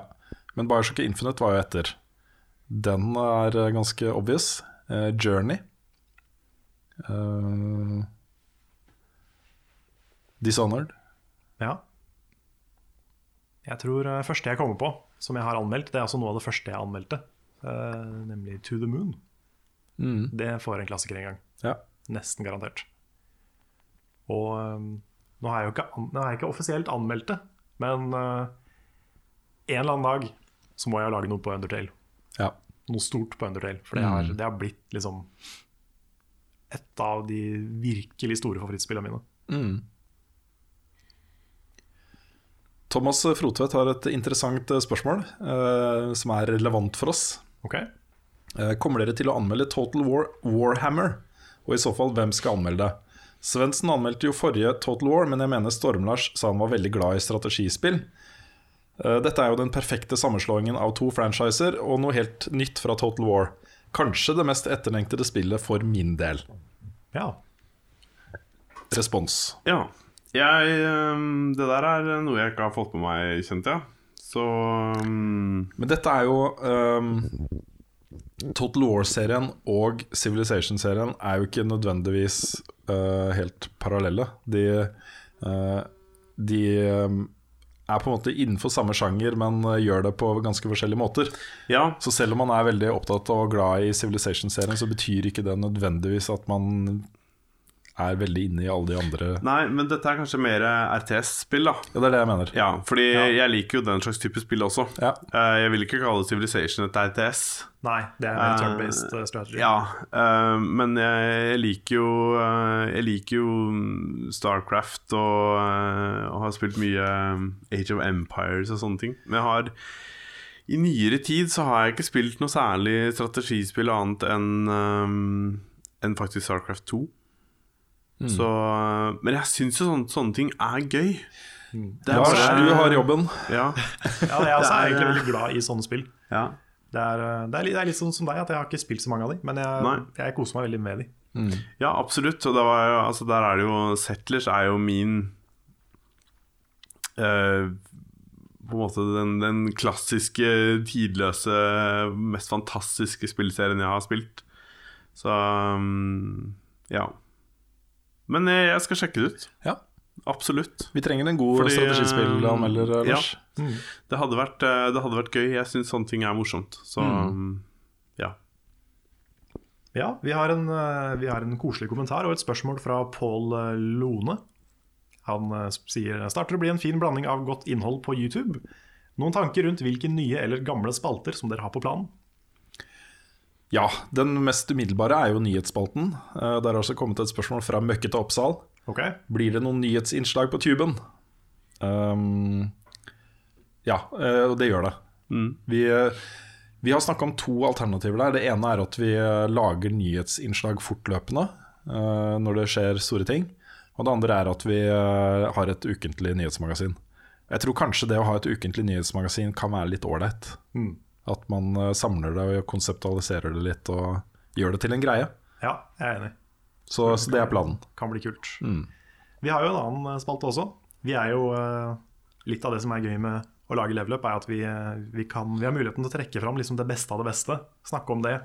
Uh, være på det, vi, det vi er glad i og det vi liker med spill. Men uh, Svendsen jobber jo med et innslag nå som er starten på en helt ny spalte, som vi har snakka om å gjøre mange ganger. Og den heter Drittspill. Mm. Eh, så han skal ta opp, så vidt jeg har skjønt, et skikkelig drittspill. Og lage et innslag om det. Det er kult. Det er gøy. Så det er jo ikke utenkelig at det kommer et par andre innslag i den sjangeren etter hvert. Nei, det er ting å ta, nok å ta av.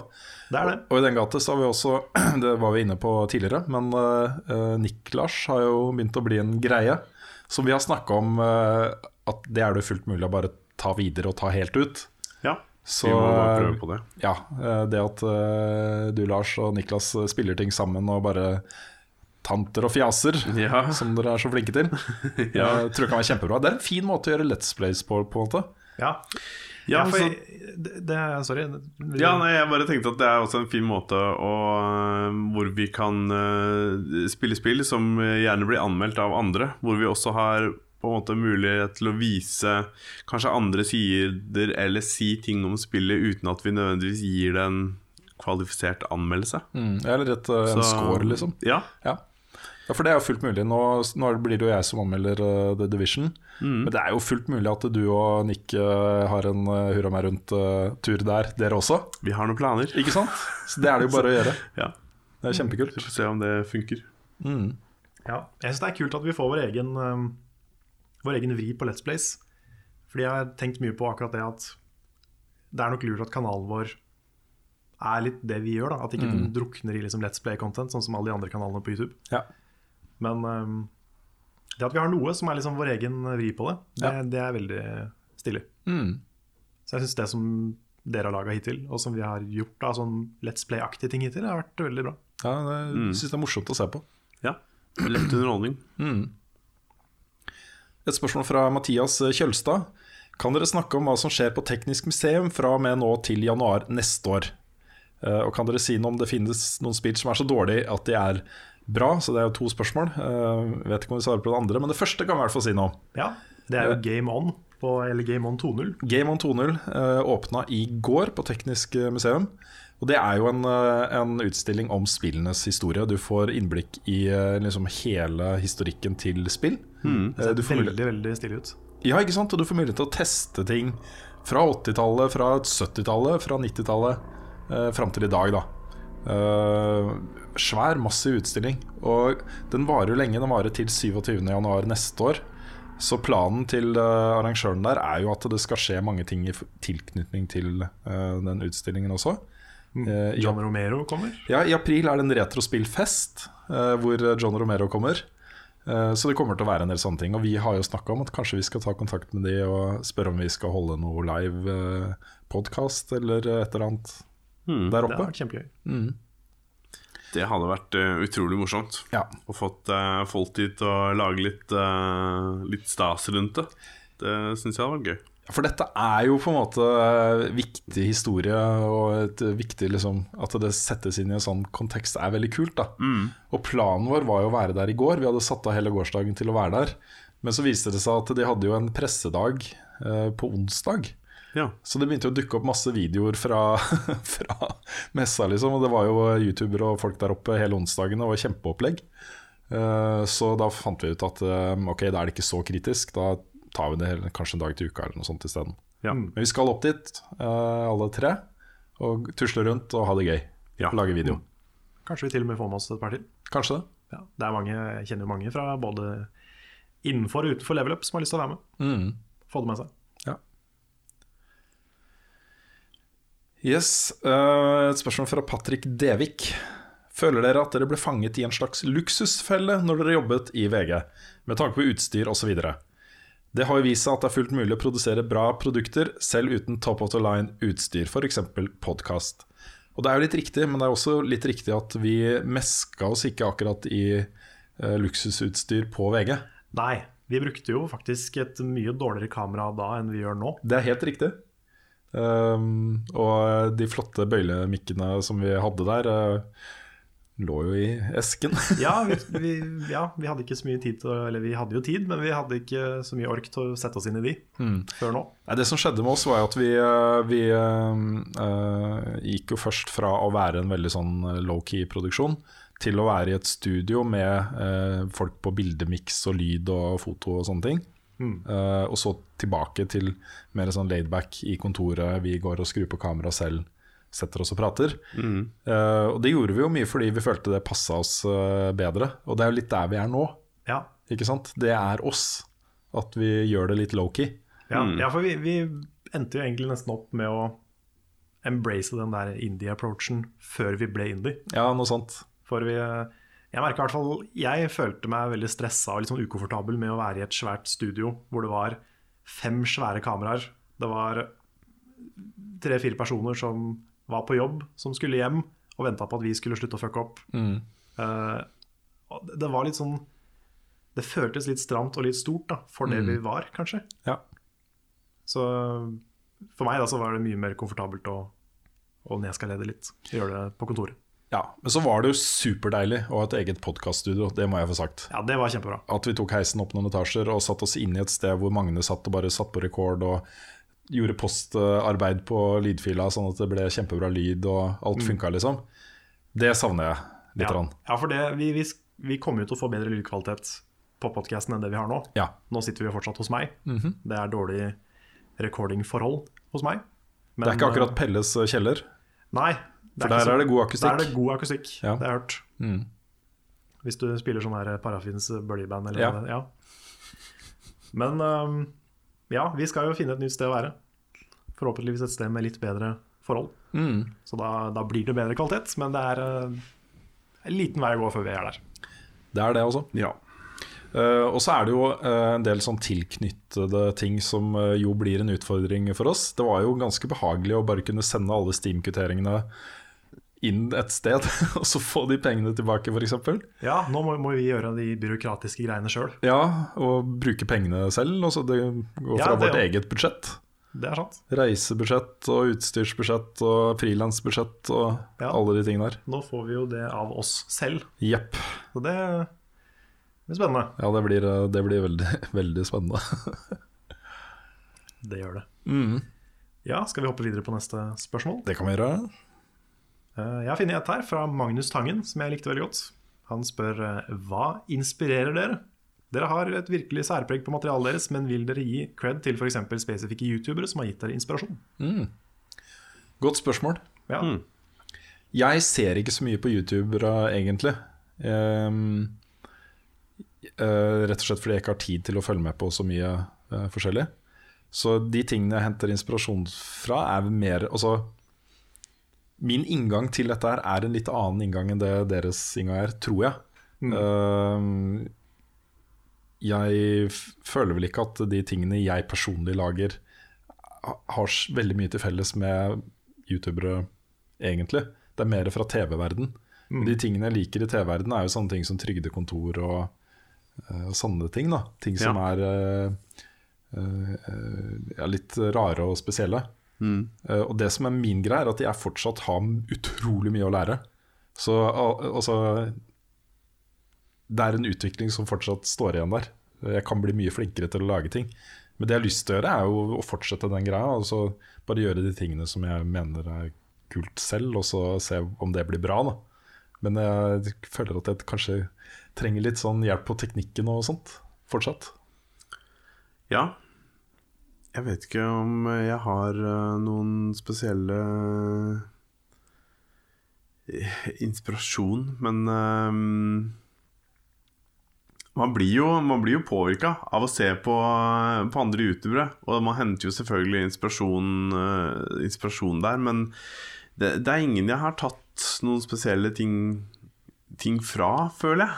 Eh, jeg prøver i utgangspunktet når, når det kommer til å lage ting på YouTube, hvert fall, så prøver jeg veldig å bare gjøre tingene low-key og ha min egen vri på det. Bare være meg sjøl. Prøve, i hvert fall. Mm. Så det Enten får folk like det, eller så liker de det ikke. Jeg vet ikke. Det er liksom Ja. Ja, det er, litt, det er litt det jeg blir inspirert av, merker jeg. Sånn, mm. Jeg ser mye på YouTube. Mm. Um, jeg er veldig fan av hele den gamle Normal Boots-gjengen, f.eks. Mm. Sånn John Tron, Peanut Butter Gamer, uh, The Completionist, de der. Ja. Um, jeg syns de gjør en utrolig bra jobb med å være ha sitt eget særpreg på videoene. De er veldig personlige, veldig low-key også, da, selv om Mm. de er proffe. Mm. Um, og så liker jeg veldig godt den eh, egentlig alt Jim Sterling gjør. Ja. Så han, eh, han er utrolig god på å være både morsom og veldig veldig seriøs. Mm. Han er veldig sånn tung, han har en veldig tung stemme, Mm. som er eh, kjempebra. Og Extra Credits, som er veldig sånn Det er en kanal jeg har sikkert nevnt før, men det kan jeg veldig anbefale. De lager sånne ukentlige, um, veldig sånn lærerike episoder om spill og spillindustrien og sånn. Mm. De er utrolig flinke. Veldig sånn ålreite, kule folk. Så jeg, jeg vet ikke om det er liksom én spesifikk, men det er eh, egentlig hele den der YouTube-oppskriften, kanskje. Mm. Som, hvor du er personlig, du er Mm. deg sjøl. Du er ofte litt low-key. Den blir jeg veldig inspirert av, så den, den er jeg veldig glad i. Mm. Jeg tenker også veldig mye at det, det handler om å bare tørre å gi, gi av seg sjøl, og ikke tenke på at det må være noen oppskrift eller det må være noe som noen andre har gjort før deg. Liksom. Det er, eh, du kan like godt være, være din egen stemme og deg sjøl, istedenfor å må følge noe en annen har gjort for deg. Mm. Mm. Så ja. Men sånn mer generelt, da, sånn hvis jeg har litt sånn skrivesperre og må bli inspirert, Mm. så er det beste er bare å gå, eh, gå en tur og høre på musikk. Da blir jeg inspirert. ja. Det er meg. Det er, eh, det, det er nice, det. Det funker. Musikk er utrolig bra til det meste. Jeg er også veldig sånn Musikk gir meg, gir meg utrolig mye. Og det, så jeg, jeg ser den. Jeg eh, blir inspirert eh, når jeg smører meg inn med smør, og så legger meg i eh, et hav av tang og tare. Oh, ja. Hvor kjøper du tanga? Nei, jeg vet ikke. Man bare går ned på, på huk og legger seg uti i vannkanten der. Ja. Ja. Eller så har du funnet en sånn sjappe som bare Å, ja, det er deg, ja. Jeg kommer med tanga di. ja. Tang og tare AS. Ja. Ja. Én kunde i Oslo. ja, ikke sant? Ja. Apropos musikk, da. Eh, Jeg vet ikke om Det er jo Trond Sinfor Borgersen. Å, det er jo ikke en innfor. Ja, da må vi, da må vi vente. Du var kanskje ikke helt forberedt her Det er mulig her. vi må ta et uh, spørsmål før det. Ja, vi kan gjøre det. Ja. det.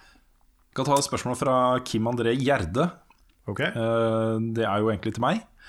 Har du fortsatt kontakt med de to opprinnelige Level Up-programlederne? Hva tenker de om oppstarten deres? Og hvem sitt brainchild var egentlig Level Up? Um, jeg har fortsatt kontakt med de, dvs. Si jeg har god tone med de. Uh, det er ikke så ofte jeg snakker med de. Eh, Carl Thomas forsvant jo ut i PR-verden. Mm. Eh, Endre jobber i Dagbladet og har døtta ut et par unger og flytta litt, litt utenfor byen og sånne ting. Mm. Så det er ikke så ofte jeg ser de folkene. Men eh, jeg har fortsatt eh, god kontakt med de, og føler jeg kan jo ta en telefon og si hei, hei, liksom. Selv om Mhm. jeg ikke gjør det så ofte. Mm. Um, det, uh, hva de syns Jeg vet ikke helt hva de, hva de tenker om oppstarten vår. Uh, men det uh, litt runde svaret på det siste spørsmålet, hvem sitt brainchild level up egentlig var, det er litt vanskelig å svare på. Fordi det som skjedde, var jo at Endre kom inn som praktikant hos oss. Han hadde arbe- periode yrkespraksisperiode hos oss ganske lenge.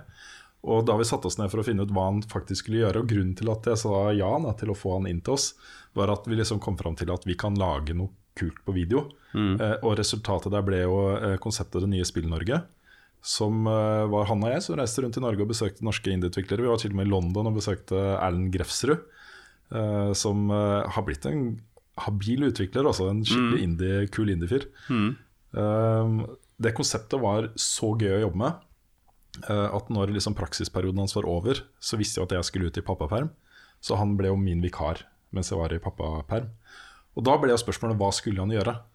Så under hele den prosessen med å lage det nye Spill-Norge, så hadde vi jo hele tiden snakka om hvor kult det hadde vært å ha et spillmagasin. Så akkurat den grunnideen om å lage et spillmagasin, et ukentlig spillmagasin, føler jeg var begges. At vi snakka så mye om det. Um, men så kom det, selve konseptet level up, hva det var, faktisk var, var jo hans, eh, hans greie. Han fikk jo lov til å bestemme innholdet i det programmet. Eh, jeg tror kanskje navnet var mitt forslag. For vi hadde en sånn navneprosess. da Jeg tror han egentlig ønska seg mer enn et litt sånn norskere navn eh, der. Og det kan hende at han hadde rett i det. Um, men eh, det endte opp med å bli level up, da. Um, Ja, I starten så var det et veldig annet program også.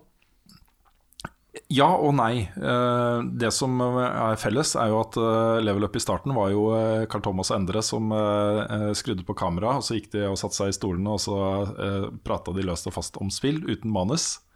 Eh, Akkurat som vi gjør. Ja, det er sant. Det er sant. Ja.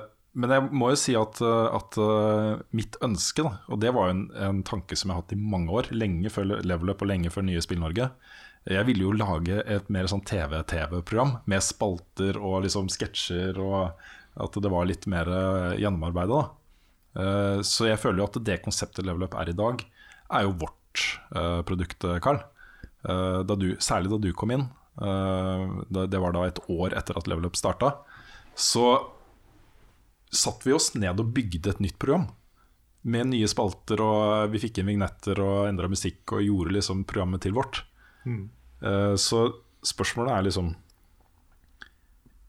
Det er ingen tvil om Endres og Carl Thomas' sin betydning for dette programmet. Og utrolig hyggelige mennesker å jobbe sammen med alle de tingene. Men jeg tror jo at vi trodde jo f.eks. ikke at vi skulle få med oss Level Up-brandet ut av VG hvis vi slutta. Eh, og jeg tror hvis vi ikke hadde gjort det, så hadde det gått omtrent like bra som det har gjort nå. Ja, jeg også tror det. Ja, Jeg tror ikke nødvendigvis navnet er det viktige. Nei, jeg tror det er personene eh, og de, eh, eh, de som er involvert i produksjonen av programmet. Deg, Lars, og Niklas og Frida og mm. oss og, sånt. At det er det som folk er knytta til, ikke nødvendigvis navnet Level Up. Um, men uh, Endre er kanonflink. Og skulle jeg var jo innmari lei meg da han slutta. Eh, fordi jeg hadde, jeg hadde liksom Da han kom inn og vi lagde nye Spill-Norge, og uh, så hvor bra det ble, og så liksom fikk suksessen med Level Up, så var jeg sånn Pokker, ikke slutt nå, da! Endre, vi er jo i gang med noe dritkult her, liksom. Det Ja. kommer til å bli så bra! Eh, så, så jeg var veldig lei meg da han slutta. Men så hadde jeg et halvt år med Carl Thomas, som også var kjempegøy. Men det var veldig utfordrende, Fordi da var jo plutselig han med kompetanse på video ute. Eh, og Carl Thomas eh, gikk på BI, så han var jo ikke så veldig involvert. Han jobba ikke så mye hver uke med dette. Han kom inn en gang i uka og var med i studio. Så veldig mye av produksjonen gikk jo da på meg, ikke sant. og det var jo eh, Ja, vi fikk jo inn en klipper eh, i den prosessen, men ja, det var vanskelig. Det var ikke så lett. Nei. Da måtte jeg lære meg veldig mye på veldig kort tid. Så ja, og så ble det jo noe helt annet da du kom inn. Mm. Det gikk alt til helvete. Nei, da var, da det var, jeg føler det var da det ble det som jeg hadde lyst til at det skulle være. Uh, hvor vi satte oss ned og preproduserte mye masse. Og jobba mye med formatet, og vi jobba med konsept, og vi jobba med ideer og sketsjer og manus og alle de tingene der, liksom. Eh, og så var det skranglete allikevel. Det var ikke, det var Ja. ikke proft, liksom. Nei, men det, det var jo litt av poenget òg, kanskje. Ja. At det skulle være litt sånn uh, Ja, klipt og limt sammen med duct tape og diverse. Ja, noe sånt. Så, øh, så jeg vet ikke. Vi har jobba så lenge sammen nå, Karl, at jeg føler jo at Level Up er vårt uh, produkt. Mm. Uh, uten at jeg glemmer betydningen Carl øh, Thomas og Endre har hatt for det. Uh, men jeg føler at det er et litt annet beist i dag enn det var den gangen. Og det er forma av mye jobbing av oss. Vi har jobba veldig hardt for å få dette til å bli det det er. Så ja. Jeg husker de første sesongene, så tenkte jeg veldig sånn at jeg jobba eh, Jeg jobba jo for Level Up. Jeg kom inn i noe som var etablert, og jeg skulle eh, gjøre noe for det. Men jeg også har jo fått mye mer sånn eierskapsforhold til eh, konseptet etter hvert. ja. Jo lenger jeg har jobba med det. Ja, Det første som skjedde, første sesongen du var med, var at vi gikk jo opp 40 000 uh, seere per episode. Ja, Så, og det holdt seg jo en stund. Så det var ingen tvil om at Jeg, jeg mener jo programmet ble bedre. Så ja. Ja, Ja, men det, det er koselig. Karl blir veldig fornøyd her nå. Ja, nei, altså, jeg, jeg, jeg er så Mm, ja. jeg, jeg blir litt sånn flau når jeg får høre koselige ting. Ja, men Man skal få høre litt koselige ting eh, innimellom. Det er viktig, det òg. Det er det. Ja. Nå er jeg faktisk jeg er klar med Sin4. Du er det? Ja, Skal jeg ta den, eller vil du, uh, jeg kjør på. vil du ta den? Um, yes. Skal okay. du starte, da, eller? Jeg starter nå, Mhm. så fort den loader. Jeg er spent.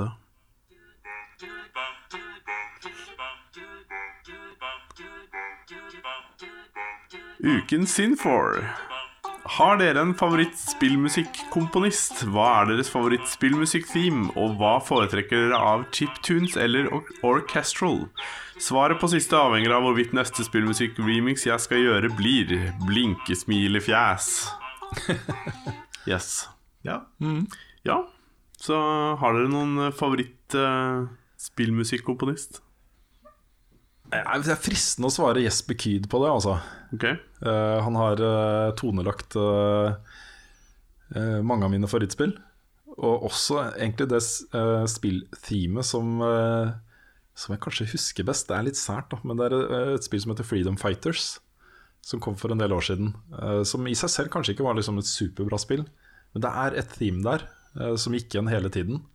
Som var så bra. Jeg spilte det til slutt for å høre det themet komme på kule tidspunktet. på en måte Eh, Han er jo fantastisk. Han har jo uh, lagd musikk til så mange bra spill, og så mye uh, klassisk spillmusikk. Assassin's Creed kanskje først og fremst, da, men også mye annet. Jeg er veldig glad i, glad i musikken hans. Det er et litt kjedelig svar, men Nei, mitt svar er sannsynligvis kjedeligere. For det er jo alle som er veldig interessert i spillmusikk, uh, vet jo sikkert hva jeg kommer til å svare. Det er jo Nobuo Uematsu, som er Final Fantasy og diverse komponist. Uh, han har jo bare helt komponert så utrolig mye flott musikk. Han er kanskje aller mest kjent for One Winged Angel fra Final Fantasy 7. Uh, ellers så Yasunuri Mitsuda fra Krono Trigger og Krono Cross også. Er nok de to. ja. Jeg vet ikke om mint uh, nødvendigvis er noe mer eller mindre kjedelig, men uh, av, av den musikken jeg har hørt mest på i ettertid, og sånn, så er det musikken til eh, Gustavo uh, Santolalla. Er det ikke det han heter? Jeg tror det er det. Som har laget musikken til The Last of Us. Mm.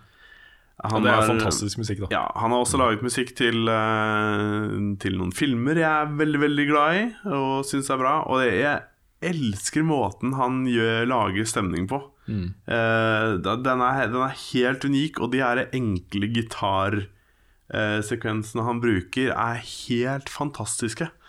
De, de, de bare De klarer liksom bare ta tak i deg og gjøre et eller annet med deg.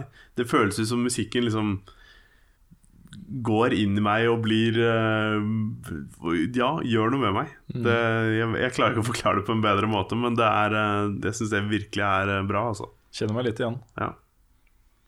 Så Ja, Og så var det angående chiptunes, da. Om liksom hva man syns var best i chiptunes. ja og så var det Hva han spurte om favoritt? Best uh, hva, som er, hva vi foretrekker av or- orchestral eller uh, chiptunes. Ja. Ja, Men han spurte også om favorittsang, gjorde han ikke det? Nei, det tror jeg ikke. Ja, absolutt favorittspillmusikk-theme. Men det, er, det, det går for det samme for min del. Da. Så da, da er det liksom Det er, eh, det er themet til, eh, til eh, The Last of Us. Mm. Ja. Nei, For meg så er det Eight Melodies fra Earthbound. Ja. Det er min uh, main. Ja, mitt favoritttheme er jo Metal Gear Solid. Og Harry Gregson uh, Wagner er jo også en, uh, en komponist jeg er veldig glad i. da Ja. Eh, eh, Særlig pga. hans arbeid eh, i Metal Gear-serien, selvfølgelig. Ja. Men da, selve themet der er så ikonisk, Ja. også knytta til den serien. Det kan liksom uh, linkes med James Bond-teamet, f.eks., eller Star Wars-teamet. Sånne veldig epic ting som du kjenner igjen med en gang. Mm. Så eh, Ja. det er jeg veldig glad i. ja. Og så er jeg veldig glad i chiptune-musikk, men mer uh, Jeg blir ikke like emosjonelt knytta til den som, uh, som uh, fullt orkester, uh, symfonimusikk. Mm. Mm. Jeg gjør ikke det, altså. Nei, jeg har en eh, Jeg, jeg spilte jo Ducktales mye da jeg var liten. Mm. Eh, Nå fant jeg Ducktales eh, på telefonen for en stund tilbake. At man kunne laste ned og spille det der. Og den, det teamet der, som chiptunes, det er bra, altså. Det, er, eh, det har en helt egen, eh, egen greie. Og det har jeg hørt så mange ganger når jeg har spilt det spillet som liten. Så um, ja. Kommer det ikke en, Duck, en ny Ducktales eh, nå? Ja, det er jo kanskje Tegne- Tegneserie? Ja, tegneserien, ja. Ja. Ah, okay. den, den kommer, Ja, det- det... kommer nye. Mm. Ja, jeg tror ikke jeg klarer å velge mellom chiptune og orkester. Nei. Nei. Det beste jeg vet, er å finne en chiptune-sang jeg digger, og så høre en orkesterversjon av den. Mm. Det, er, eh, det er the shit. Ja, for det finnes noen sånne som er veldig bra. Ja, det gjør det. Det er eh, Så må jeg også bare nevne Toby Fox og Undertale-soundtracket. For hele det soundtracket er jo bare amazing. Ja. Jeg ser nå vi har fått et uh, spørsmål fra Truls Petter Holm, som er hele nyhetssaken vår om David Hater-tweeten. Ja, Ja. ok. Så uh, det var tydeligvis flere som har fått med seg den saken. Ja, Uh, Så bare en liten shout-out til deg, Truls Petter. Vi har allerede snakka om det, men Ja. det var et bra tips. indeed. Yes. Ja, skal jeg ta et til? yes. Eh, Fra Erlend Berntsen. Hvordan står det til med nervene etter ca. to måneder som indie? Vi er, det er vel én måned nå, er det ikke det? Det er én måned. Ja. 15. februar var jo første dag som eh, indie. Ja, så det er straks en måned. Ja. Ja. Uh, ser ut til at communityet setter stor pris på at dere tok sjansen, nå som Patrion viser nesten 10K per måned. Ja, Mm. det er uh, Ja, hvordan står det til med nervene? Nei, Nervene er fortsatt litt tynnslitte, men det er jo fordi vi har så mye vi må ordne. Ja. Um, og så er jeg Jeg er jo stressa på 2017. Det, jeg tenker en del på det.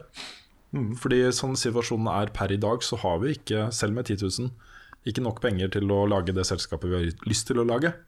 Nei, vi må jo finne, finne flere inntektsstrømmer. Ja, Om det da enten er at vi får inn enda mer penger fra Patrion, eller om det er andre ting. Jeg, jeg må innrømme at det mest ideelle for oss ville jo vært å fått inn mer penger eh, i abonnementsløsning. At, Ja, eh, at ja man- eller altså noen type sponsorting også. Ja da, vi, hvis vi får på det også, så er jo det selvfølgelig kjempefint. Men, uh, men jeg, jeg syns jo den tanken er litt interessant. Nå er det 1000 mennesker som backer oss uh, på Patreon vi har jo flere seere enn det, og potensialet er jo større enn det. Og jeg tenker at dette er mer en sånn generell mediebetraktning. Da. Eh, jeg tror det at hvis øh, vi nordmenn har lyst på unikt innhold fra øh, flinke, dedikerte folk i tiden fremover, så må man være forberedt på å betale litt for det. Fordi eh, mediebildet i dag er eh, litt spesielt. Det er liksom det, De store mediehusene må kutte og kutte, og da satser de bare på kjernevirksomhet og sånne ting. Og nisjeting lider litt under det. da Eh, Så jeg tenker at hvis vi fortsetter å utvikle oss, fortsetter å uh, lage relevant innhold, fortsetter å være bra, så er det ikke noe veien for at vi kan se for oss at kanskje 3000-5000 mennesker kunne vært interessert i å betale litt for innholdet vårt. Hvis det var lett nok å gjøre det. Eh, så, så det venter jeg litt på, da. Jeg, jeg tenker at det Nå er jo snittprisen på Patrion 10 dollar. Uh, det er litt høyt. Ja, for det er Ja. For det, det er, ja. det, jeg skulle si noe, så ble det borte. Men Ja. eh, det er et poeng at eh, jo mindre folk betaler i måneden, jo større er sjansen for at de kommer til å gjøre det lenge. Ja, og så tror jeg også det beløpet er litt basert på at folk er liksom veldig gira på å backe oss akkurat nå. Men hvis dette skal få liksom være noe varighet bak det, hvis det skal være en solid, stabil inntekt som vi kan stole på, øh, så vil jeg jo tenke at ok, for vårt type innhold, kanskje et sted mellom 30 og 50 kroner i måneden er en fornuftig pris da, for det vi gjør for folk. Ja, Hvis du setter det opp mot hva folk betaler for liksom Netflix og HBO og Spotify og ja Det er liksom et, et par Narvesen-pølser. Det, det er greit. Ja, og da, da er poenget det at da skal det ikke så mange tusen mennesker til før det er uh, mulig for oss å gjøre det. Så, Nei, så det håper jeg skjer nå. Det håper jeg skjer. Ja, sånn uh, nervemessig ellers. Så jeg må innrømme at jeg Det er litt uvant, og litt sånn Jeg er litt stressa over å, å ha ting til YouTube-kanalen, f.eks. Mm. Det, det har jo gått veldig bra de første ukene. Vi har hatt mye Vi har kunnet legge ut. Men jeg kjenner at det, det er en sånn liten vekt på skuldrene og liksom alltid vi bare vi må ha ting, vi må legge ut ting hele tida. Fordi mm. her sitter det folk og venter. Så dette her må ting, ting må ut, så vi må liksom produsere masse. Og det er jo kjempegøy å gjøre det, det er jo derfor vi gjør det. Mm. Men uh, jeg føler fortsatt det presset. Det kommer sikkert til å roe seg litt etter hvert, men uh, nå i starten så kjenner jeg det. Ja, Det kommer til å roe seg litt. Vårt uh, største problem akkurat nå er at ca. halvparten av tiden vår er nå uh, bindt opp i andre ting som vi ikke kommer til å fortsette med å gjøre. Mm. for nå snakker vi med alle som har lyst til å snakke med oss. Vi er i masse møter. Eh, jeg var i et møte i dag klokka ni. Vi skal på et nytt møte i dag klokka tre. Eh, det, det er liksom møter og møter møter, møter hele tiden. uh, vi glemte til og med et møte på tirsdag, Karl. Gjorde vi det? Ja, Jeg tenker, tenker du på han uh, vi snakka med på Ja, Egon? Egon, ja. Ja, nei, han sendte meg melding, ok, greit. så det er greit. Ja, det er greit. Ok, gudskjelov. Jeg kom på det på onsdag. så Ja, ok, ja, nei, det, vi har Jeg hadde glemt det, men han sendte meg melding og minna meg på det, at han ikke kunne, så det var veldig bra. Ja, for problemet med den type uh, daglig aktivitet da, er at det stikker opp dagen. Det er ikke bare det at den halvtimen eller den timen som det møtet varer, eh, er den tiden som blir borte, men det tar litt tid å komme seg dit, tar litt tid å komme tilbake. Ja. Du bryter opp arbeidsflyt. Det er masse sånne ting, da. Ja, det er, det er noe med det at eh, du skal jo ta buss fram Jeg, jeg skal ta buss fram og tilbake, Mm. eh, og du mister jo som regel liksom to timer på én time. Ja. Så det er mye tid som går bort. Mm. Så jeg bare gleder meg til eh, vi er i en sånn situasjon hvor vi har installert oss et sted eh, som er vårt, eh, vår arbeidsplass. At jeg kan komme dit klokka ni-halv ti om morgenen og så bare sitte og jobbe hele dagen. Og ta telefonen hvis jeg gidder, og la være hvis jeg ikke gidder. Og så gå hjem og så kanskje jobbe litt mer på kvelden, men i så fall at man har et sted å være. Og, det man gjør der, er produksjon Ja. til kanalene våre. Ja, ikke sant. Det hjelper veldig, det. Sånn apropos, heter det ikke bundet opp til? Jeg vet ikke. Heter det bindt opp til? Er ikke Ja, Det heter sikkert bundet opp til. Jeg hadde bare så lyst at jeg, jeg måtte bare spørre. Jeg, jeg fikk en Twitter-melding også fra en uh, i dag. Jeg skal se om jeg får opp den Twitter-meldinga. For jeg er jo så flink til å kritisere andres språkbruk. Ja, det er det. det er liksom når, du, når du først har blitt en grammar-nazi, så da får du det tilbake. Altså. Jeg har en Twitter-melding fra Åsmund Larsen. Uh, han skriver ca. 1 time, 22 minutter og 40 sekunder ut i forrige ukes podkast sier du 'stiller spørsmålstegn'. Det er vel ikke helt korrekt? Nei, det er ikke helt korrekt. Nei, det- det du er stiller sant. ikke et spørsmålstegn ved noe. Du kanskje stiller et spørsmål ved noe, eller setter et spørsmålstegn. Mm. Ja, ikke Ja, sant? Det, mm. Ja. det, er, det, er det, som, er- det er det som er skummelt med å bli grammar-nazi. Da, da kommer alle de andre også. Fallhøyden, altså. Den er ganske Den blir stor. Ja, den gjør det. Ja. Men uh, språk er viktig. ja. Nei, men vi, Det som stresser meg mest om dagen, er, er uh, lønnsomhet, lønnsomhet over sikt. 2017 er det som stresser meg. Ja. Fordi vi klarer oss i 2016, det vet vi. Uansett hva som skjer, hvor mange ekstra penger vi får inn og sånt. Med mindre alle på Patrion forsvinner, da. Da blir det kanskje vanskelig. Men ja, selv, kan det bli vanskelig. selv hvis det skjer, bare vi får inn to-tre måneder med stabil Patrion-inntekt, så har vi nok til 2016. Ja, det, det er sant, det. Mm. Det. Det skal nok gå bra. Ja, og I og med at vi nå har sagt at uh, 10 000 dollar ikke er nok, så tenkte jeg bare uh, utdype det litt mer. 10 000 dollar i måneden uh, er det, det er grunnen til at vi har skrevet full frihet og sånne ting eh, i, på Patreon til det, er at uh, hvis det er alt vi får inn, uh, så er det akkurat nok til at du og jeg, Karl, kan gjøre det på heltid uh, med en inntekt som vi klarer oss med, så vidt. Ikke sant? Fordi vi har jo utgifter på toppen av det, og vi skal betale skatter og merverdiavgift og sånne ting. Men det er akkurat nok til at det er litt mer enn en Nav. Dagpenger fra Nav. Ja, Så vi klarer oss akkurat med det. ja det er sant. Det er, Men- det, er, det er minimum av det vi kan på en måte overleve på, Ja, uten å få andre penger. ja. Men målet vårt er jo å lage et, et mye bedre foretak enn det. At du og jeg sitter på, på lav lønn og produserer de dritten av oss, liksom. Eh, Vi vil jo gjerne ha penger til Lars, vi har penger til Nick og Frida og alle som bidrar. Vi trenger liksom, Det hadde vært kult med et bra sted å jobbe med riktig utstyr og, og sånne ting. Så, så vi håper jo at inntekts, inntektene våre vil være mer enn eh, det. Ja, for det, det går jo direkte på hva vi, har, hva vi er i stand til å lage. Mm.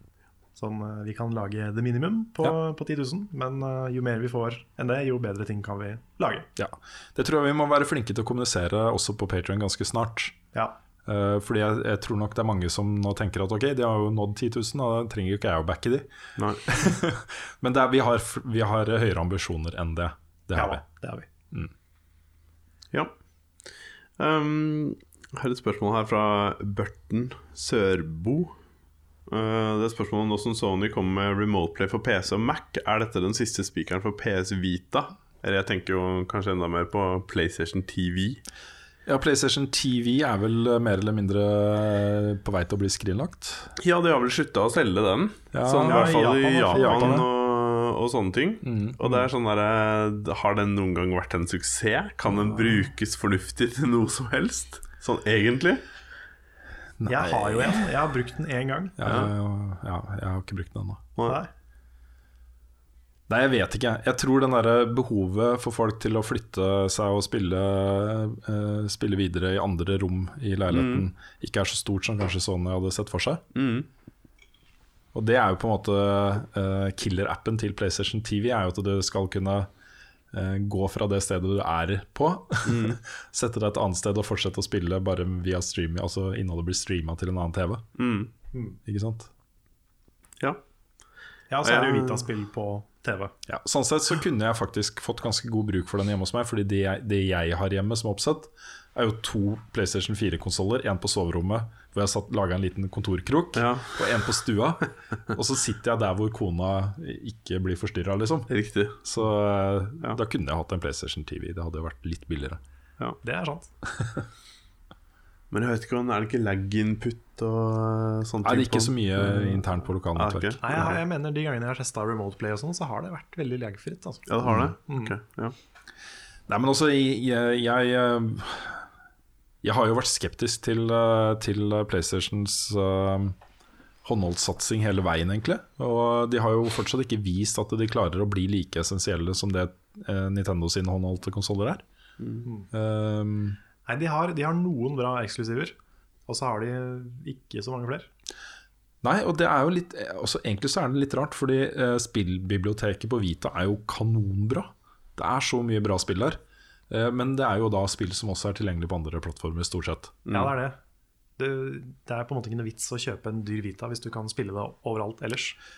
Nei, og så er uh, hovedutfordringa for eh, Sony er jo at eh, hvis folk først skal ha med seg en håndholdt spillplattform, eh, så vil folk i veldig mange tilfeller velge smarttelefonen sin, for der er det også veldig mange bra spill. Mm. Ikke sant? Og kanskje spill som er litt mer eh, enklere å bare starte og så legge fra seg eh, med korte økter. da Ja. Der har jo eh, Nintendo kanskje vært mye flinkere til å lage eksklusive spill som du bare kan spille der, og som dermed får en sånn Du får mer følelsen av at det er en plattform du trenger, da. ja, Men det har jeg begynt å faktisk legge mer merke til i Oslo nå. At det, sitter mange folk i alle aldre og kjønn og alt mulig med en 3DS. At det, de har fått til det, altså. Ja, så skal du ikke undervurdere betydningen av at dette er en uh, håndholdt plattform som du kan lukke, og så er den beskytta, og så kan du bare slenge den i bagen. Eh, Med en Vita så føler jeg at ok, den skjermen jeg må være litt forsiktig med, og denne trykkfølelsen med greier bak, vær litt forsiktig med det, Ja, det er- forsiktig, kanskje pakke det inn i noe. Det er veldig sant. Ja. Det er en mye mer sånn robust eh, forbruksting, uh, 3DS-en, føler jeg. Mm. Det er nok, er nok også lurt, i og med at uh, målgruppa er såpass vid. Ja. Jeg har et kort enkelt spørsmål fra Remi Granheim her også. Er det vanskelig å få til et intervju uten å si 'hei, jeg kommer fra VG'? Han har også med et lite, lite bilde eller en tekst her hvor det står 'I'm too sexy for my hair, that's why it isn't there'. Ja, det er, det er veldig mange som liker å tulle med både alderen min og eh, håret mitt. Ja, Du nevnte ikke navnet ditt, så Nei, men, nå har eh, jeg klippet meg ganske kort. Da, På streamen i går for eksempel, så ble det mye snakk om alderen min. Eh, og Da var det til slutt noen som kom inn og bare Hei, hei, folkens, dette er mobbing. Jeg tar meg ikke nær av det. Nei, Jeg, jeg syns ikke det gjør noe. Nei, jeg hadde ikke tulla med det hvis jeg trodde du gjorde det. Nei, for du hadde jo en på uh, Far Cry Ja, Primal-streamen men det verste var at det var egentlig ikke ment som en aldershits. Men det kom, det, når jeg sa det, så skjønte jeg at det var det det var. Ja, ja, det var jo det det var. Ja. Jeg syns det var veldig morsomt. Jeg var litt fornøyd med den sjøl, men uh, den ble morsommere og slemmere når jeg fant ut at å ja, det var det jeg sa. Jeg, jeg tenkte bare Oi, ja, Carl han kan tenke kvikt. Ja, Ja, det var jo en morsom, eh, morsom greie. Så, Så ja, nei, men um, vi fikk jo kanskje et eksempel på at, uh, at det er ikke alle som helt vet hvem vi er når vi er indie, uh, med at vi ikke blir invitert på uh, Game On 2.0 på Teknisk museum på onsdag. Ja, det er sant. For det burde vi jo vært. Mm. Vi visste jo ikke om den dagen, vi hadde jo ikke peiling. Nei. Så ja. Jeg vet ikke. Nå, nå er det jo sånn, Jeg har jo tatt kontakt med alle spillutgiverne, dvs. Si PR-representanten for de. Eh, og vi heter jo fortsatt uh, Level Up, liksom. Så uh, det er ikke så vanskelig å kommunisere hva som har skjedd der. Nei. Eh, men um, i gamle dager, for noen år siden, så var jo det å kunne gå ut i verden og si at vi representerer eh, et nettsted med 2,3 millioner unike brukere, liksom. For det lå i grunnen der. Hvis du hadde noe på forsida, så var du potensielt eksponert for flere millioner mennesker, ikke sant? Mm. Og med bakgrunn i det, og også papiravisa VG, før den begynte å virkelig uh, gå nedover, så fikk vi jo alle de kule avtalene. Vi, jeg, vi reiste rundt på etere og sånt og var den eneste i Norden som fikk uh, intervju med Miyamoto og sånne ting, liksom. Det, hadde en kjempe, det var en kjempekul ting, selvfølgelig. Å kunne gå rundt med det i ryggsekken og bare Her er jeg, liksom. Mm. Um, men sånn, de siste årene har det jo ikke vært helt sånn. Nei. Det er ikke Jeg føler ikke at den effekten har vært like stor de siste årene. Nei, jeg føler at etter jeg begynte i Level Up, så har liksom ikke den eh, det å si, i hvert fall i utlandet, da, at du er fra VG, eh, eller eh, from big Norwegian newspaper. um, jeg har ikke følt at det har vært en sånn kjempe, kjempefordel Nei. de siste åra. Men det er ikke så viktig, fordi det vi bygger nå er jo på en måte en mediesatsing som ikke er avhengig av å få de store eksklusive intervjuavtalene og de store flotte presseturene og alle de tingene som liksom fulgte med da, å representere en så stor eh, medievirksomhet som det VG er og var. Så, så det er ikke så farlig, Nei. føler jeg.